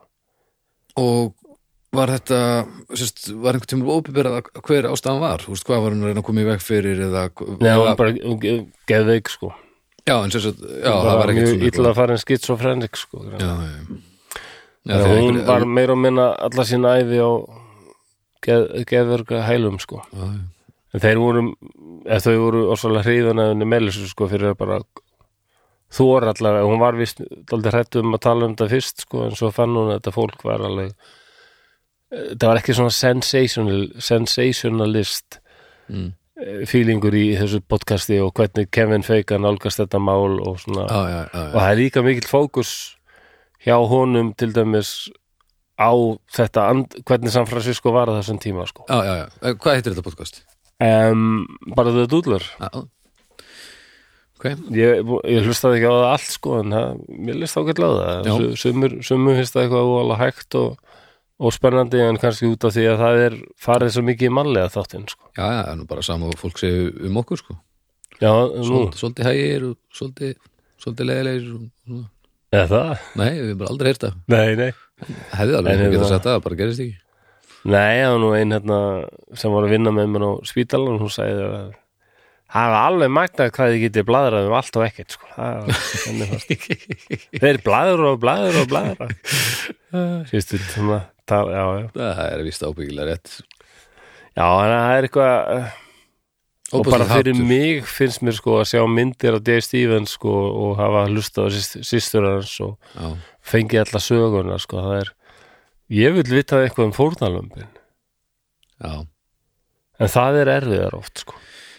Já að því að fórnalömb eiga það til að vera eðlilega fólk heldur en þeir Já. sem eru að myrða. Þá er þetta svo ofsalega það eru frávíkin sem fólk hefur áhuga á að skoða betur. Já, mér dettur í hug til dæmis eins og maður svo Ted Bundy, þetta er bara ma- næstum bara uh, skálskapar persóna sko, og Jeffrey Dahmer og svona, þetta er svo við getum ekki tengt við þetta menn en um leiðu við sjáum fórnalömbin þá finnum við náttúrulega bara harm og sorg held ég þannig, að- Já. þannig ég skil vel stundum að það, er það er auðveldar að kynna sér held en, fórnalömbin alls. Ég held það. Það er miklu auðvitað Og sé minna mikilvægt Já, við höfum báður hlusta á mjög gott að það það er svona podcast uh, stöð sem gerði þarna Monster man, er það í hært radio? Já. Uh, já, uh, það er, já, það er ægjart rétti og frekar en það er ekki vondur í allavega Sko, þau gerðu þarna Zodiac podcast um Zodiac morðingin sem er Þetta- alveg Já, frábæð ég held að sé ægjart rétti og svo líka um hérna DC Sniper Já. Leyniskittu morðingin í Washington og það er alltaf að tala við lauruglu menn mm -hmm. þá sem kannski líðu af árásir mm. aðstendendur fórnarlambana Já, og þá sem eru búin að rannsaka þetta mjög mikið og það er bara uh, allar hlýðar og ég, ég heyrið hérna viðtal við mann sem og konan hans var svo satt sko myrt af þessum leyniskittu gaur sko. Já, það sem hún satt bara á bekk og var eitthvað glugg í bók. Já, og bara einhver, einhver halvviti þarna með leyniskittu riffil sko sem ákveðið bara að taka líðunar eins og ekkert sér sjálfsæðar það var eitthvað svo að heyra mannin hennar tala ég bara fekk bara stingi í hjarta Já. sko. þá verður þetta allt innu bara það verður það raunverulegt sko. já, alveg hryllilegt En mér það því að þetta er, þetta er svo vand með farið og þarna er þetta einmitt gert frábæla þessa seríu sem þú búin að nefna, stórkostlegar. Svo er seríu núna í gangi eða búin sennilega sem er um Columbine það er eitthvað, ég man ekki hvað heitir serían, þetta er eitthvað svona sérst verið að fara á staðin og tala við fólki sem lendi í þessu og það allt saman. Mm, en ég endaði með því ég meikaði þá seríu ekki af því að það, það var of mér, ég upplifði það eins og að vera of amerísk sorg sko. já, já, þannig ég og, og ekkert af því sem slíku að því að fólk verður að fá að gera upp hlutina sérstaklega eitthvað svona hörmulegt sem ég mun aldrei tengja við. Mm, það er náttúrulega verður að leysa úr því á þínum forsendum og, og lítur að gera út frá þeim grundvelli sem þú alveg upp á. Já. en ég þar ég bara tengdi ekki alveg við þetta sko. nei. Og sem svo leiðilegt að því þetta er eitt, eitt að skelfilegt sem ég get ímda mér að lendi í. Já, þetta er alveg já, já, um, en þessar hinnar seríur það er einmitt já, það eru mjög góðar. rosalega flottar sko. og hérna, já, Zodiac-serían er alveg, um, já, mæli með þessu. Mm. Fórðarlam nr. þrjú hétt Klaus Kristmann. Klaus Kristmann? Já, þetta er þetta þýst já, flott, flott nafn. Enda var hann þjóðveri. Já, Heru, Hann var, þetta er líka sorglegt. Hann var samkynnaður mm.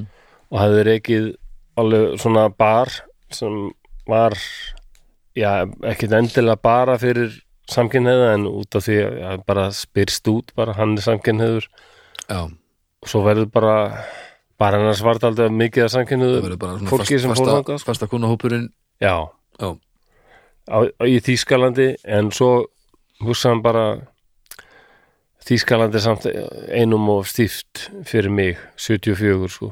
Já, og bara, og hugsa bara me- mekka samkynniður að var þá eða San Francisco sko já, já og hann ákveður bara að fara þangað bara, bara hef ég bara nýtt líf í San Francisco sko.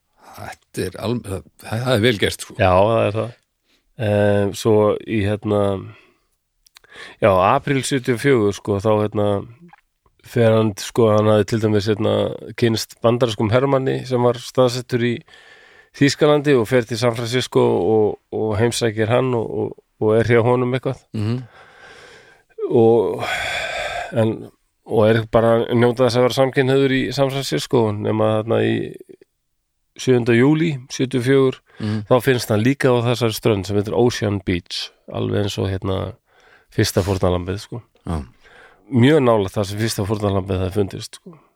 já, það og aftur nálega- búið að stinga hann sko 15-16 sinnum já, bæða framan og aftan.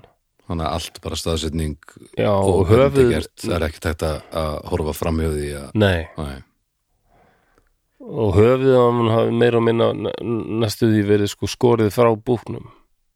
Rosalega þarf maður að vera grimmur og reyður Já, og það, það er einkennir einhvern veginn þennan morðingi er alveg bara óbúðsleg þannig að þess að hafa sumir reynt að ímynda sér að já, það er svona giska hvort það geti verið að hann sjálfur sko hafi verið með já, eitthvað svona tendency eitthvað, já, bara samkynniður en bara mm. það, ég, það fólk er alltaf erfitt að reyna rýna inn í hugarlíf einhvers sem maður veit ekkert hver er það er svona að fólk hefur verið að geta sér til sko. Ég meina eldsnöka spurningu já, þegar þú hérna sagðir að það er ekki mikið um grafíska lýsingar varstu með það sem þú ert búin að segja núna í huga eða, eða ertu búin að segja meira frá því grafíst en þú helst þú myndi gera? Já uh, nei, ég var nú eiginlega, ég held ég myndi bara að segja að einhver hefði verið st- stungið með ég er búin að Já, gleyma já, þessu já. með hausinn sko. Nei, að því að ég var sko en ég kannski bara, að maður verður svo ég bara, það er svo sláandi stundum hvað maður er orðin samdöna sko. ég veit það. Ég, ég held það geti verið sko, hvenar er, af hverju er þetta ekki mjög grafíst Nei, nei, af hverju finnst manni Sumum ekki? finnst þetta bara viðbjöður bara. Og sömum finnst þetta bara að vera afþreying sko. Já, ég, það er, er hræðilegt að segja það sko. Ég veit ekki, ég, ég hef lesið svo mikið bara um með með Jeff- Jeffrey Dahmer til dæmis, þá er þetta ekkit nei, nei, og, þetta er bara og, alltaf hreint gengið til verk sko. og þetta auðvitað þarf það, það, það, þurfa einhverjir að vinna þannig vinnur og þetta verði eðalilegt fyrir þeim svo Já. að það sé hægt að gera eitthvað Já. en það er bara svo merkilegt að hinn venjulegi neytandi hvað er búið að deyfa hann gagvart þessu sko Jú, og auðvitað er ekkert mál að rétta þetta í einhverju bíómyndum eða eitthvað því að það, það er ekki ekta og það breytir bara öllu að einhver þykist gera eitthvað í bíómynd er ekki að sama og það sé gert í það, og, það, og það eru minni tengst þarna á milli heldur en fólk heldur sko. Já. En Ég samt held sem að áður við, við- ég held að við tókum það ágætlega fyrir þarna þegar við tókum vestran fyrir þarna á þessu live kvöldi. Já, bara bíómyndandan eru ekkert tegndar raunveruleikanum þar sko. nei, og, en, ég líka hugsa sko eins og þegar fólk byrjar að tala um það að tölvuleiki séu uh, að búa til ofbeldisfull ungmennu eitthvað, ég, ég brjálast bara. Já, það er, að, það er líka búið að rannsæka það svo vel og það eru bara engin bara, hættum þessu bara. Við skulum, við skulum ekki, Ég er bara rosalega lítið. En það er færa að tala um þetta núna ég, úst, það er alveg þannig. Já, já, en, en samt sem áður að hjá sömum verðist þetta samt sem áður ekki mörgum, en sömur þetta leikur yfir raunveruleikan öðrum sko. Já. ef, ef ég myndi koma að hræðilegu sleysi núna væri ég betur undirbúin fyrir það af því að ég er búin að sjá þetta í bíómyndum þó ég veit að það sé ekki alvöru. Ég held nefnilega ekki, Nei, ég held að, myndi, ég held að- ég ég ætti ekki breyki það sko. Nei, ég held alveg örgleik ég hef ekki hugmyndu það, þú veist, frekar en nokkur annar sem fyrir en hann lendir í því skilur en, en ég tengi þetta ekkert saman sko. þetta er bara raunveruleiki og ekki raunveruleiki. Með hugmyndafræði sem er hægt að hafa gaman af að þetta er ekki alvörinni Ég sem betur aldrei komið að neinu ógeðslu ljótu slisi sko, en maður hefur bara lesið nógu margar um, til dæmis viðtölu um þetta sko, til dæmis uh, lauruglumenn og slökkvölismenn sem segja sko, þetta er alveg maður verður alltaf rosa sjokkaraður og stundum maður venst þessu aldrei einhvern veginn segja sumir sko. Nei. og ákans ekki að gera það en mér finnst nefnilega en þetta viðbröðin verða svona þjálfaðri samt. já, já, já, samt og þau, þau verða náttúrulega að verða það sumir náttúrulega eru bara að vinna við þetta og eru þá bara Já, í tóttjálfun og, og það er frábært af því að það þarf að vera til. Mm en já, mér finnst pínu merkilegt að hvað þetta er hvað þessar hugmyndir eru stór partur af lífi manns þó að sé af því að þetta er ekki alveg skilur Ég var svo hissa, sko, ég var að lesa viðtalið mann sem var að berjast í barðist í kóruðstyrðinu já, hann var að lýsa því bara bara kúluna hríð og sprengingar og læti og bara hann sá bara menn falla hérna og tætast í sundur og allt svona. Og við mann spurði varst ekki hrættur og þá sagði hann nei, ég var ekki hrættur ég veit að það er fáralegt en nei. Hann sagði að það kemst eiginlega ekki beint að sko. Nei, þú ert bara að hugsa um að halda þér á lífi Já, já. og hérna, það er ekkert annað svo bara díla maður við þetta hörmulega síðar já, svo kem, Já. hann sagði hræðslan kemur alveg setna sko. þá Já. byrjar maður að skjálfa og bara, já, fokk ég verð bara að fá mér tvöfaldan viski núna sko. já, það var alltaf magnað að lesa þetta sko. og hann sagðist líka að rosa uh, mjög erfitt að horfa á myndir af gömlu hersvitinni af því að hann sér alltaf menn sem fjallu já, já. og skammast hann sagði skammast við fyrir þessa tilfinningu sko. Um, fyrsta tilfinningin sem kemur upp þegar ég sé myndir af þeim sem var fallið er ekki sorg heldur feginleiki. Já, já, ekki Survivor skill Jú, líka sko, en hérna samt, hann, ma- hann sagði það er eitthvað skömmi því að, að fyrst að finnum að bara fjúkit að það var ekki ég sko. Það er það ekki, það, hann það segir- er samt alveg pínu eðlilegt finnst mér. Er það, já, en Já, hann, allavega skammaði sér fyrir þetta og sagði að þetta væri En það er bara því að En það fyllir ekki upp í hetju ímyndinu sem er búið að smíða í kringum okkur sko. Já, en auðvitað eru við byggð þannig að við viljum lifa af en við viljum ekkit endilega gera á kostnað annara en ef maður sér aðra sem höfðu það ekki af og maður hafði ekkert með að gera þá fattar maður fattar maður hvað í rauninni þarf lítið til sko. Já, hann sagði líka um bara, er voðalegt er þetta. Æ, ég var eitthvað að öskra um helgin og syngja og Já, auðvitað, bara eftir fimmtudaginn að vaknaði morgun eftir bara voru tvö já, gigg eftir sko. áglæsilegt Já, já, já, já, mér fannst Ég skal ekki segja kannski meira frá þessum hermanni. Mér held ég vilji bara mögulega nota hann í heitt þátt mér já, ok, ok. Að býða þess með það. En já, ég var bara að pæla í því, hvað, bara svo fyndið hvað eh, hvað, já, ég veit ekki hvað grafíska viðmiðið, Nei, það er úrglega hversu breytilegt það er og hvar það væri ef að, ústu, hvað hefur árið það. Allir hryllismyndir spili inn í hérna líka sko. Örgulega einhverju leiti en ekki í, í afþreyingarefni en ekki í raunveruleikanum svona, ég held að, mér líður þannig allavega með mig að það myndi ekki breyta neinu sambandi við mín viðbröð við raunveruleikanum en tóleransið þú veist, ég ger mér ekki grein fyrir því hvort það sé eðlilegt að geta hort á Exorcist og fyndist hún skemmtileg strax, skilur þar er maður að þjálfa sig upp í það. Já, og ég sé það ekki sem vandamála því að þetta er ekki alvörinni, það skiptir öllu máli við vitum já, það og, og, og það, það er allt í lagi. Já. en hugmyndin er þetta það er verið að sína þér eitthvað sem er óeðlilegt og maður þarf maður hlýtur að þurfa að venjast því sko. Já, en það er líka svona yfirnáttúrulegt Mér finnst það í skil. Já, já, já, en ég er kannski bara meira að tala um úst, eitthvað, eitthvað svona góður sko. En svo eru myndir var- sem að ég hef engan áhuga að horfa á, þú veist, eitthvað svona tortjúrborn Nei, kjöftaðis ég, ég á eitthvað. með það líka. Ég, það er bara ekki Það er líka se- það sem hið ítla er vond fólk. Þa, Já. Það finnst mér alveg já. erfitt sko, já, akkurat, já. Já, þetta var bara snöggpæling. Svona sökbæling Já, þetta er líka sorglega finnst mér, hann er hérna 31 á skama, alltaf bara kornungu maður, sko, bara mm. já, alltaf bara San Francisco, það sem eru menn eins og ég. Og bara hefði bara nýtt líf og, og hann mæti til San Francisco bara til þess eins að líf hans er tekið. Það full þetta er alltaf vestar, já, þetta er sagt er þetta flugdrega lauparanum bókinni. Mm að pappi stráksins í byrjun bókar hann segir sko að versti glæpur sem hún fremur er þjófnaður, mátt Mhm. aldrei stela. Hann segir ég held að morð væri versti glæpurinn, morði er þjófnaður. Mm. þú ert að taka líf lífið frá manninu, þú ert að taka þú ert að ræna öllu, -hmm. það er þjófnaður líka. Heyrðu, þetta er alveg eins og Clint Eastwood í Unforgiven. En sko, þetta er, er mómentinn í draugunum. Hell of a moment ég er nefnilega búin að lesa a þetta er thing svona killing a fyrsta skiptið sem að þú minnist á einhverja bók og ég er búin að lesa hana. Já, sem er ekki bara einan áskell eða eitthvað skilur hvaða bók var þetta sem ég er að minnast á fyrir ekki? Flugdrökkulparinn Já, þetta eftir hann hann eitthvað, já, ég, John. Paxton. Ég tók þarna tíma Mér finnst að margir sem hlusta á okkur sem eru líka alveg æfirið því að við skulum ekki þekkja nöfna okkur um leikar eða eitthvað já, það er allt í fína sko.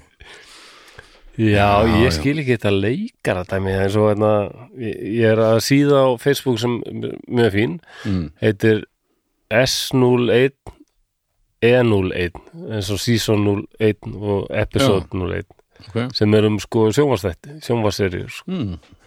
og þar var einhver einhverjum daginn að byrta bara einhverjum mynd af einhverjum leikurum einhverjum, einhverjum aðstæðum Mm. Og, og eitthvað okkar kona bara gera það gott. Frábæri þættir. Ég bara, ha, hvað, hvað er að gera? Okay. og reyndi eitthvað að lesa og allir vistu svo vita um hvað var, er að ræða. Loksins sá ég eitthvað að spyrja bara ha, hver, okkar kona, hvað, hvað er þetta að tala um? Og þá var þetta einhver íslensk leikona og maður átti greinlega vita, það, vita það. Já, og, Það er hérna, e, er eitthvað hérna sko að, já, náttúrulega fylgist með sinni maður fylgist með sinni mannesku ég bara, come on maður. Þetta er ekki eins og þessi keppandi fyrir hönd Íslands olimpíuleikunum þetta er bara eitthvað leikari. Er hún orðin okkar manneski. En, jú, maður heldur náttúrulega svolítið með sínu fólki, já, svona, ég- það er gaman fólk tengir við það þegar einhver sem þú gætir verið nær að gera eitthvað sem að eiginlega enginn nær að gera. Já, ég er kannski bara svona leiðilegur. Ég, ég, ég, held með ef einhver að keppa fyrir hönd Íslands sko. Já, það er öðruvísi en, en, en, en, en svo er til dæmis erfiðar eins og með, hann haukuðar já, hann er til dæmis með, hann er gríðlega kvikmynda áhugaður og úst, ég er bara með þessa svona st- stóru á hreinu sko. já, og, og, en hann er til dæmis með ótrúlegt minni á til dæmis svona 80s og 90s leikara sem að poppa upp í kannski svona 10 bíamyndum já, og allir þekkja þegar þeir sjá andlitöðum Já, en já. enginn veit hvað það heita já. Hann er með öll möfnir á hreinu. Hann er með það alveg bara. Já, ég mér finnst Ólafsson óþarfi líka. að vita þetta og eiginlega vill ég helst ekkert vita mikið um leikarana því að það tekur frá mér karakterinn sem hann er að túlka sko. já, það að skemma fyrir eins og Brad Pitt alveg fýtt leikari en ég sé bara alltaf Brad Pitt hann er aðeins of stór sko. mér gam- skemmtilega að já, sjá er óþekktan leikara sem er alveg frábær. Já, já, ég, ég skil hvað þetta fara sko. en, en, að- það, en það verður ekki tekið frá Brad Pitt að hann er frábær leikari. Já, já, hann er góði leikari en ég hann er meira Brad Pitt heldur en Já, það er orðin svona ofsalega stjórnstjörnur sko, það bara það er ekki alltaf, mér finnst það ekki alltaf ég skil ekki okkur allir vilja bara það, maður þarf ekki að vita hvað leikarinn heitir. Hvað eru svona, hvað eru öfgafylstu dæmin um það að leikarar eru kallaðar eftir eftir þeirra stærsta hlutverki? Þú veist, er einhverjir sem að enginn veit hvað heitir en hann er hann nei, það er, það er ekki rétt brjóðast að um það mm, sko Anthony Perkins sem leik hérna Norman Bates í Psycho eftir Já. Alfred Hitchcock það hlutverk, hann losnaði bara aldrei undan því hlutverki sko. Uh, og það eitthvað svoleiðist Já, og ég, er- og ég er að pæla til dæmis bara eins og leikarinn sem leik Norm í, í staupastinni, hann hefur já. pottet heyrt það miklu oftar heldur en nafnið sitt Já, eftir ætli það það bara hlýtur öður já, já, já, já, já og, og hinn hérna Cliff Clavin hérna postmaðurinn, hann.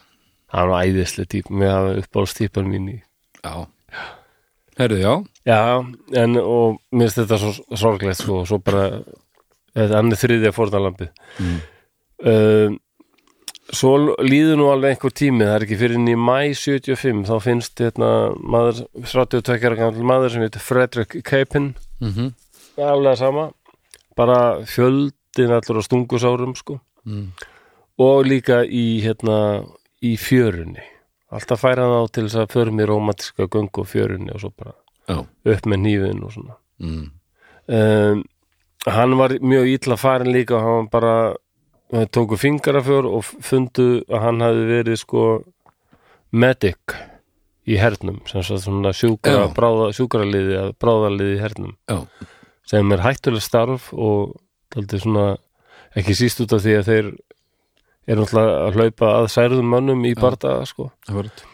Og óvinnurinn reynir ofta að skjóta þá sko. Mm og hérna, Það hann, líka hann hafði sko verið í Vietnastriðinu og, og fengið fjöldan allan af hérna, medaljum sko, þetta var, hann var Já. hermaður sko. Sem þýðir að hann ha, hann var alveg undir það búin að lendi einhvers konar átökum Já. svona, já, þannig að telja margir að hann hafði alveg verið en kannski komið um óvörum sko, alveg alltaf. já. En menn, hann var engin aukvisi sko, Nei. þessi maður sko. Þetta var fjóruði var ekki? Eða var þetta fymti um, þetta var fjóruði já, Nei, já, og þetta, Fredrik Keipin er fjórða fórnalampið, síðan er finnst hérna Sko, fymta fórnalambið er þáldið spes. Það er hérna það var maður sem heitir Harald Gullberg. Harald Gullberg eða, Já. ég reyna að segja þetta með sænskur hreim. Harald Gullberg. Gullbau Já, hann var sví, en það er flust bandaríkjana mör- mörgum áratögum áður minni mig. Ok, hann var daldið öðruvísi sko. Hann var tölvust eldri heldur, hann var 66 sko, ára gamall, já. Tölvust eldri en hinnir sko, En svo fyrsti var hvað, 50 og Nei, já, 40, 49 ára, já. 49 já. og hann hann er uh, það tók langan tíma bara að komast að því hver hann var Mm. og það er lí- oft Svona ekki mikið vitað um hann þennan mann sko. nei, nei, annar einfari sem að já, ef einhverjir voru uh, svona nánasta fjölskylda þá var hún það kannski ekki lengur nei, þetta er emitt, gerir þetta alltaf sorglegra líka sko. En og svo stoppar þetta bara Hætta Já. svo bara þessi. Allavega, en Og hvaða ár var þetta sem að ha- þessi síðasti var? Ha- hann er svona sem þessi svíi finnst. 75, það er bara 75, já. mánuði eftir að fjóruða fórnalambið Já, já, já, en það er svo náttúrulega mörg önnur morð og sem su sumir gruna að það geti verið dúdler sko, Já, en, já. en að, ekki jafn afgerandi neða svo kannski einhver önnur aðferð. Já, yfirleitt halda þessi alltaf við sömu aðferð. Já, það sódíak líka sem bara já, það er byssu, hníf og virtist já, hann réðst aldrei á, á pör. Mm, en svo skaut hann alltaf bara einhver leigubílstjóra en það var hann Zodiac er alveg sér á báti fyrst mér, Já. hann er alveg öðru vísi hann var meiri terrorist. Já hann var það sko. Hann var bara það var alveg, búa til já, bara ofsarhæðslu sko. ástand á ákveðnu svæði sko já, að senda þetta dullmál og hérna Fokking og þöndrari bú, já, búa til sitt eigið brand Já, og krefjast þess að allir fara að ganga með nælu með merkinu Ég. Þetta er er hann er alveg- alveg sér að partí sko. hann pottet uh, búið til allt sitt jólaskrut sjálfur og eitthvað svona óþólandi já, föndrari já. En dúllerinn, hann var sem sagt bara ég í gleymi nú ekki þegar Edmund Kemper saði við Ítali It's a very taxing lifestyle. Þetta er krefjandi lífstíl. Já, já, En að, já, já. Ed Kemper er sérstakur raðmorgi. Hann verðist hafa hann verðist hafa allir húmor. Og náttúrulega mega reynda þessi tölu á við bara hann, Hvað, já, hann er tala um hans í, í samingjöfuna Einstein sko. Hann er, já, hann er eitthvað hundra, já, svona já, hann er, vist ekki langt frá því ég. eða ég veit það ekki hann, já, 140, 50 eitthvað. Nei, meira, það já, það held ég Er það ekki Unabomber? Hann er með 160 165 eða eitthvað. Nei, Kemper, ég er að tala um hann sko Já, ok Ég man- ekki sko, töluna Ted sko. Kaczynski Unabomber, hann er ég held að hann er með herri gerind af þessu tölu en Einstein var talin að vera með sko. en hann hann er alveg bara sn snillingur sko. Já, en líka já, á, líka segir ekki svona- neitt sko. Aðeins leitandi og pyrraður og reyður en já, og hvað og var, var sett eitthvað púður í að reyna að finna dúdler nei, það var nefnilega mjög lítið sko. þannig að þetta hætti bara og það var allir rosa fegnir Já, Og þetta er sérstað þegar þeir hætta svona sko.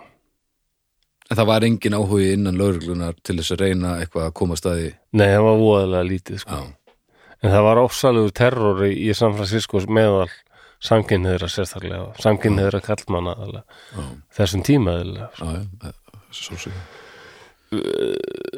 svo þetta er aldrei magnað sko að það hefur aldrei í Íslandsögunni verið dauðasög beint að vera hérna sko nefnir að gera svolítið bara kynvildur eða eitthvað já, það hefur aldrei verið fest í lög sko bara já, að megi bara drepa þig.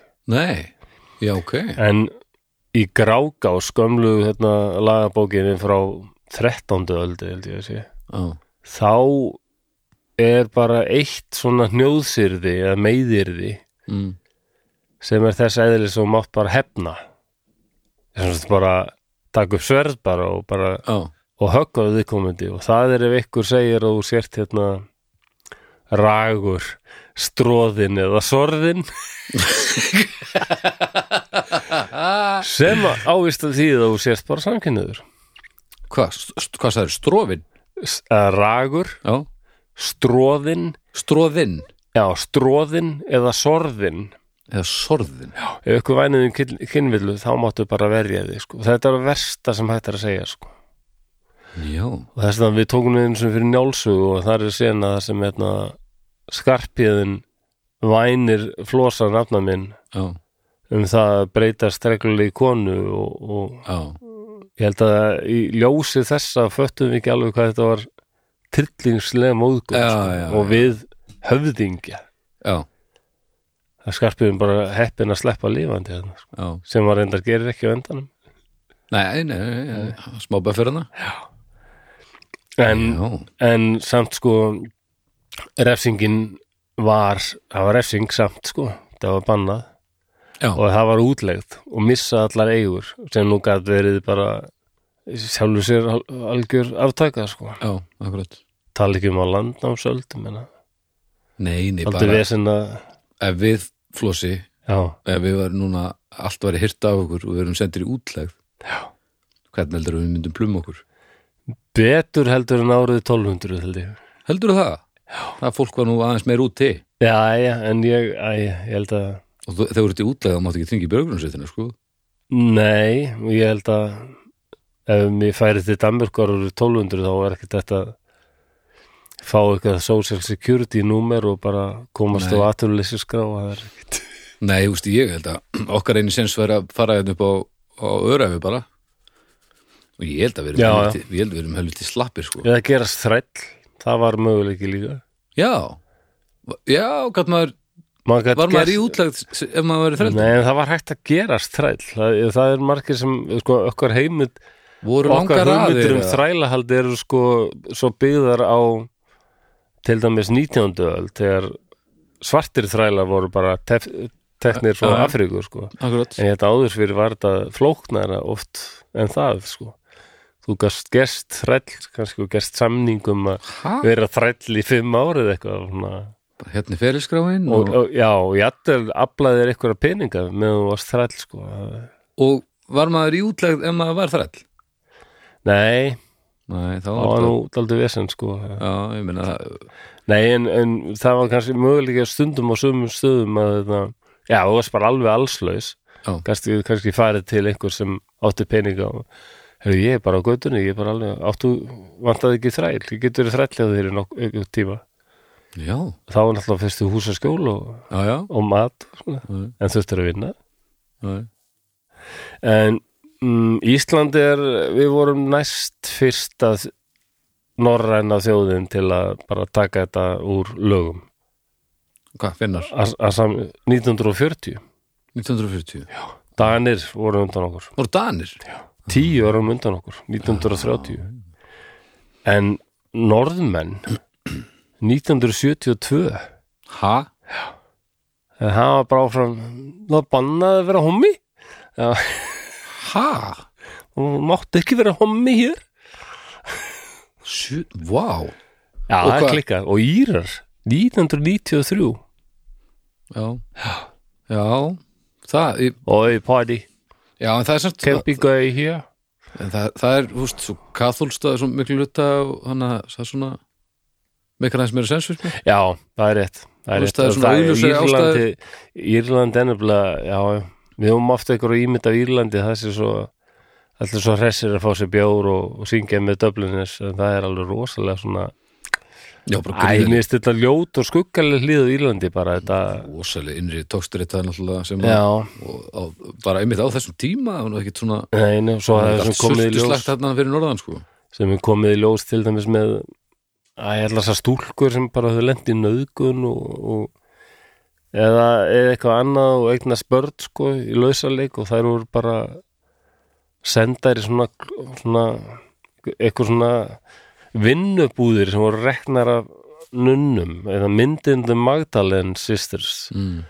hún er rosalega erfið maður. Fannst mér erfitt að horfa á mynd. En hún er byggð á sönnum atbyrðum sko. já, já. svo fundist fjöldagrafir í Írlandi sko, börn, munaðalus börn og allskins viðbjör að koma í ljós sko.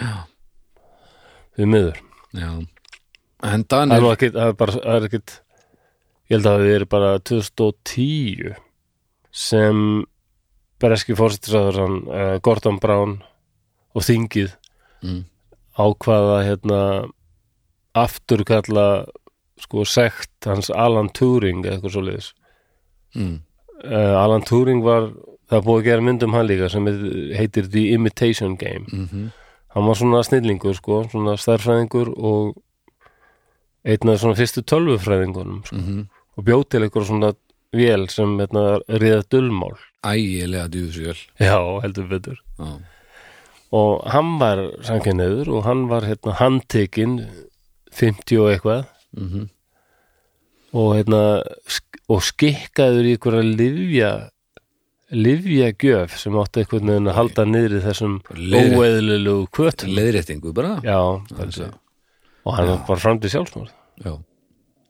Heyrur í maganum að við núna. Já, þér, já, er þetta vel. Heyrur mjög svangur greinlega já, við þurfum bara að fara, ég er, ekki, en, ég er enda en, búinn. en, en, alls ekki gera lítið úr því Jú, svo- sjálfsmórið þarna en takk þetta- fyrir, kæra hlustundur og hafið það gott og en e, á, þessi mynd Imitation Game, hún fyrir á listan já, hún er enda daldið svona, æ svona falleg já, hún er, æ, ég meina ma margir á gaggriðnana, hann er gerður að einhverjum svona algjör svona Asperger gaur sem Já. er vola erfiður í umgengni en, Já. en, en vinnur hans hafa sagt sko að þetta hann var ekki svona, hann var praktikal djóker og eldklár og mjög skemmtilegu maður. Æ, hún er farin á listanum, burt með hana. Já, og svo er hérna Kira Nætli hérna, ég þóla hann ekki. Aldrei þólið hann, þóla hann Æ, hún þólir þig ekkert, heyrðist mér Nei, síðast hún er, er vola sæt og svona en þessi kona sem vann með þeim sem ég man ekki heitir vola venjuleg kona, svona nörda kona með gleru. Mm. okkur var það ekki bara hægt að láta nörda kona með gleru leikana, nei, nei var það sko svona sæt bomba eins og keira knikt lei. Já, en suma leikara bara þólimaður ekki, ég veit ekki hvað það er.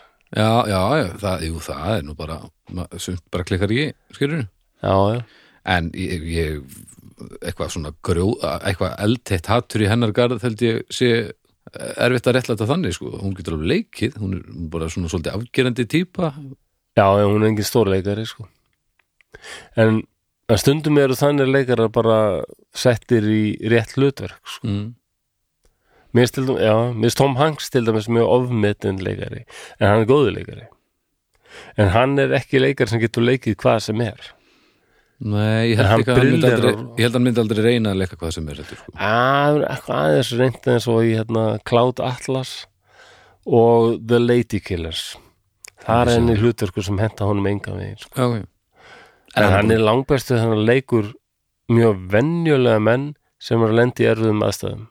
Á sko. sko Castaway, hann er flottur þar maður. Já, og Saving Private Ryan, Captain Phillips það- þetta er svona rullur sem hann en eins og, eins og hérna Forrest Gump, hvað segir um það? hver? Forrest Gump? Nei, mér finnst hann nei, mér finnst hann ekki góður þar Er það því hvernig hann talar og já, hann er ósamfærandi og bara mynd er bara ömuleg að því að hann allur, uh, hvernig hann talar og hvernig hann, Æ, hann þú haga sér er allt- gjössalega óþólandi alltaf að taka hérna, hvað sem er einhverfur, geðveikur eða, eða ídlega gefin eitthvað að búa til ykkur myndum þá og þeir eru rosalega snillingar Já, já, Það er ekki verið að gera þessu fólki neitt greiða því stærstur hluti einhverra geðveikra og þá sem eru, þeir sem eru lága grindafyrstölu er bara fólk sem á í bastli með lífið sko. já, það er ekkert allir svo reynmann þetta er eins og ég þekki þetta að eiga svon með einhverju og hann er þetta alveg, mér finnst hann vera algjör snillingu sko, á sínu sviði sko. Já, já, en hérna en samt hérna, ég var ótt að upplifa þegar ég var að segja sko, hérna, já hann já, hörðu minn var að greinast með einhverju. Já, er það ekki rosalega var bara, fór fólk að halda að hann var, hlítið að vera bara eins og Dustin Hoffman er einmann það En ég sé þetta samt sko að þegar fólk, fólkin bíómyndir maður. Eðilega lífið, banna bíómyndir sko, þegar, fólk Norður bíómyndir Kóra með þetta baldur, ég Þegar- það. fólk horfir á bíómyndir þá vill það sjá fólk gera hluti sem það, það mun ekki geta gert sjálft yfirleitt. Þú veist svona í, í þessum, þessu sjanra allavega. Já, en þú verður samt að það verður að pínur í leitaból eitthvað sko. Já, og af hverju má það ekki búið til svoleiðis fyrir alla hópa?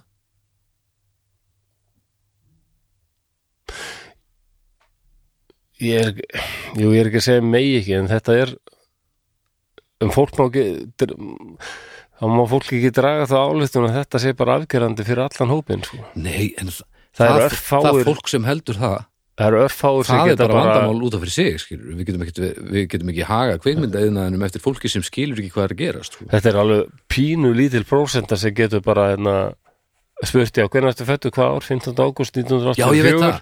já, þú er búin að lifa í þetta mörg þúsund daga bara Já, ég, svona nei, ég, er að tala um, ég er að tala um fólki sem heldur að allir séu svona að horfðu á einhverja mynd Já, það, það er- það er vandamálið sko. já, já, mitt út að tala um það. Og ég, skil, við- jú, þurfum- ég held ekki að vera sammála við eigum ekkert að vera að- haga kvikmynda yðnaðinum og afþreyingarefni eftir í hvað sumir skil ekki. Nei, ég er það er okkur stutt í það að mér verið hent út af Facebook-grúpu en einu sinni um, Black Sabbath aðdöfundur er búin að hendu mér út af grúpu Satanistarnir á satanistinni Satanistarnir hendu mér út af grúpu þau litlu snjókvört sem þau eru þeir Já, eru algjör snjókvört maður já, já.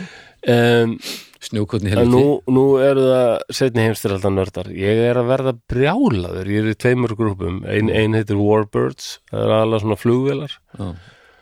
Og svo er ein Akkur sem heitir bara World, grúpa og setni grúpa ein sem heitir bara eitthvað World War 2 sko, og hérna, ég er að vera klikkaður hérna, sko.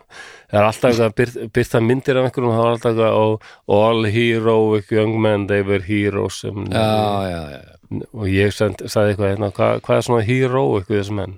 Þetta voru bara hermenn, á hverju er það svona heroic? Mm. og ég fekk um hólskipulu bara að st- stælum og hérna og ég sagði bara sorry, bara þessi menn eru bara þjálfaðir til að drepa, er, er ekki hvernig getur það verið heroic? Ég sagði bara löglu hérna, slökklismenn geta verið heroic en menn þetta eru hermenn. Já, já, já, þeir geta það náttúrulega jú, jú, en, en ákveður eru fókur svo, svona mikið þeirra hlutir var bara að drepa óvinnin sko. og ég var brjálað þegar eitt að byrti myndað afa sínum sem var þýskur hermaður. Sem var þýskur hermaður. Já, það er flottur strákur sko í þýskum búningi. Mm. og hann fekk yfir sig hólskeplu sko að hvað á ég að læka þetta eða eitthvað?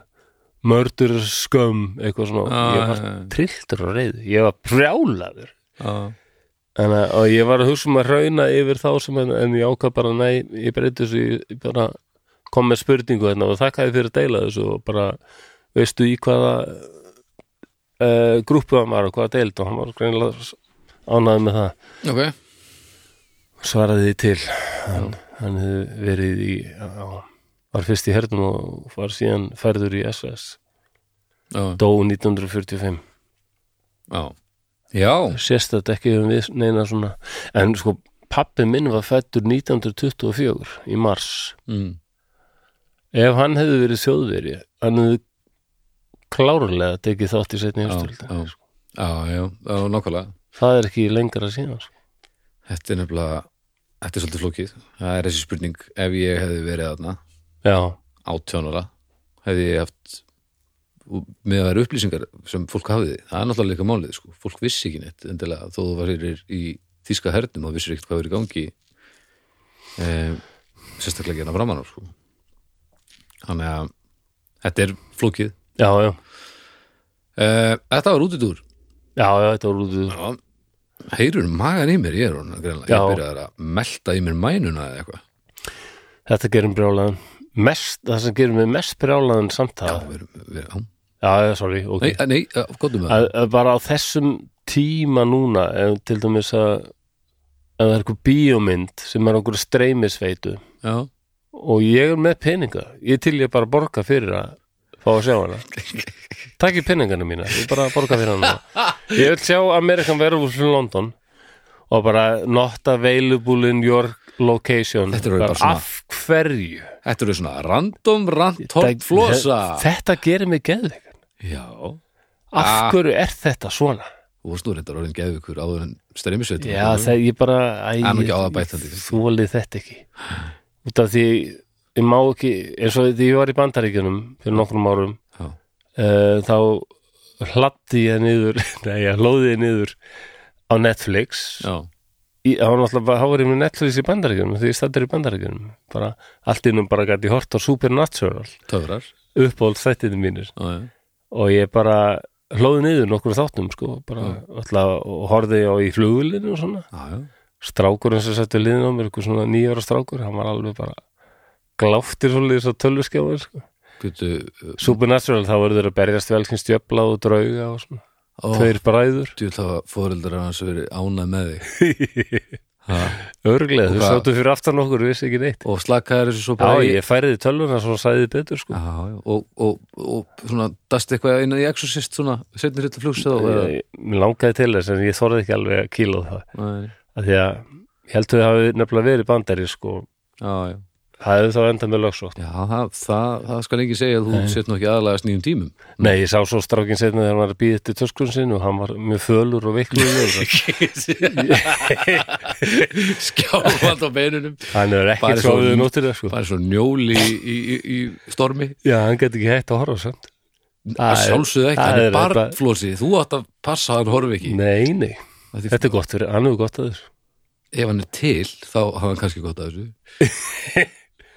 ég, Nei, ég lofaði því baldur eftir 20 ár, það er þessi strákur bara að tala um þetta Mín fyrsta upplifun á horrormyndum já. Ég satt við á manni í flugul og ég var bara já, hann eftir að vera að segja frá þessu liggjandi sófa með Nei, og einhver erfræðingur að tala nei, nei, nei, nei. hann segir frá þessu á okkur svona comic-con einhver og við komum svona þetta að vera vissum að Q&A í að- að þessi, þessi, eldri maður Hvor þarf það að vera svona neikvæður þessi, þessi innan gæsa bara flosi sé eitthvað svona afsprengi huga hans að þegar hann er að díla við eitthvað. Sálfræðingunum áttur að halda að þú sért svona slæma hlið hans. Þú hefur enga trú á mannkinnun, enga.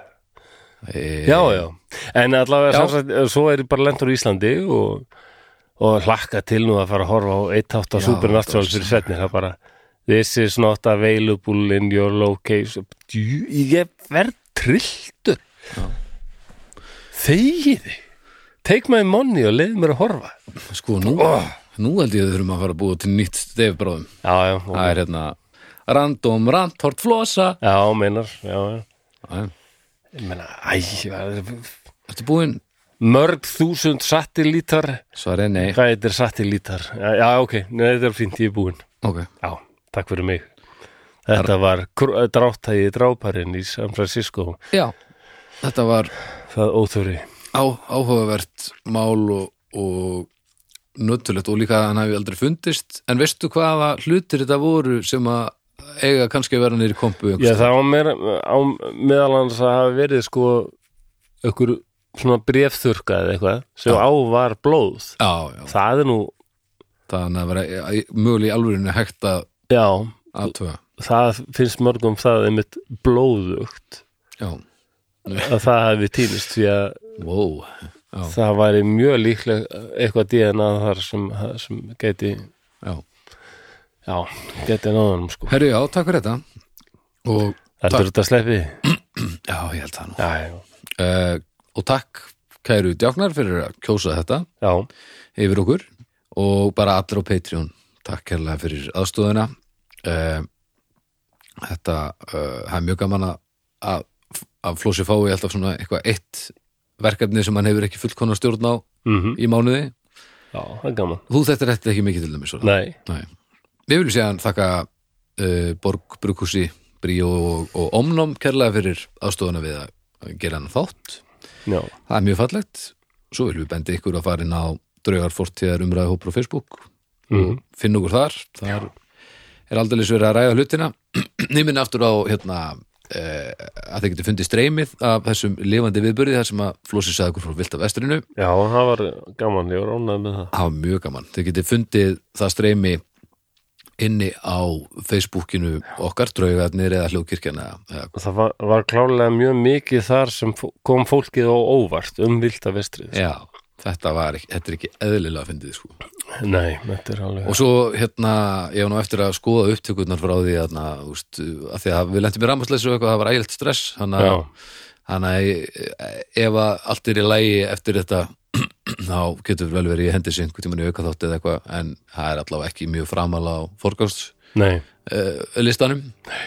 En við sjáum til, að þið geta allavega að fara að horta á þetta og, Mhm. og, og hlusta á þetta inn á Facebookinu. Já, eitthvað sem er að gleyma það? nei, ég held ég ekki.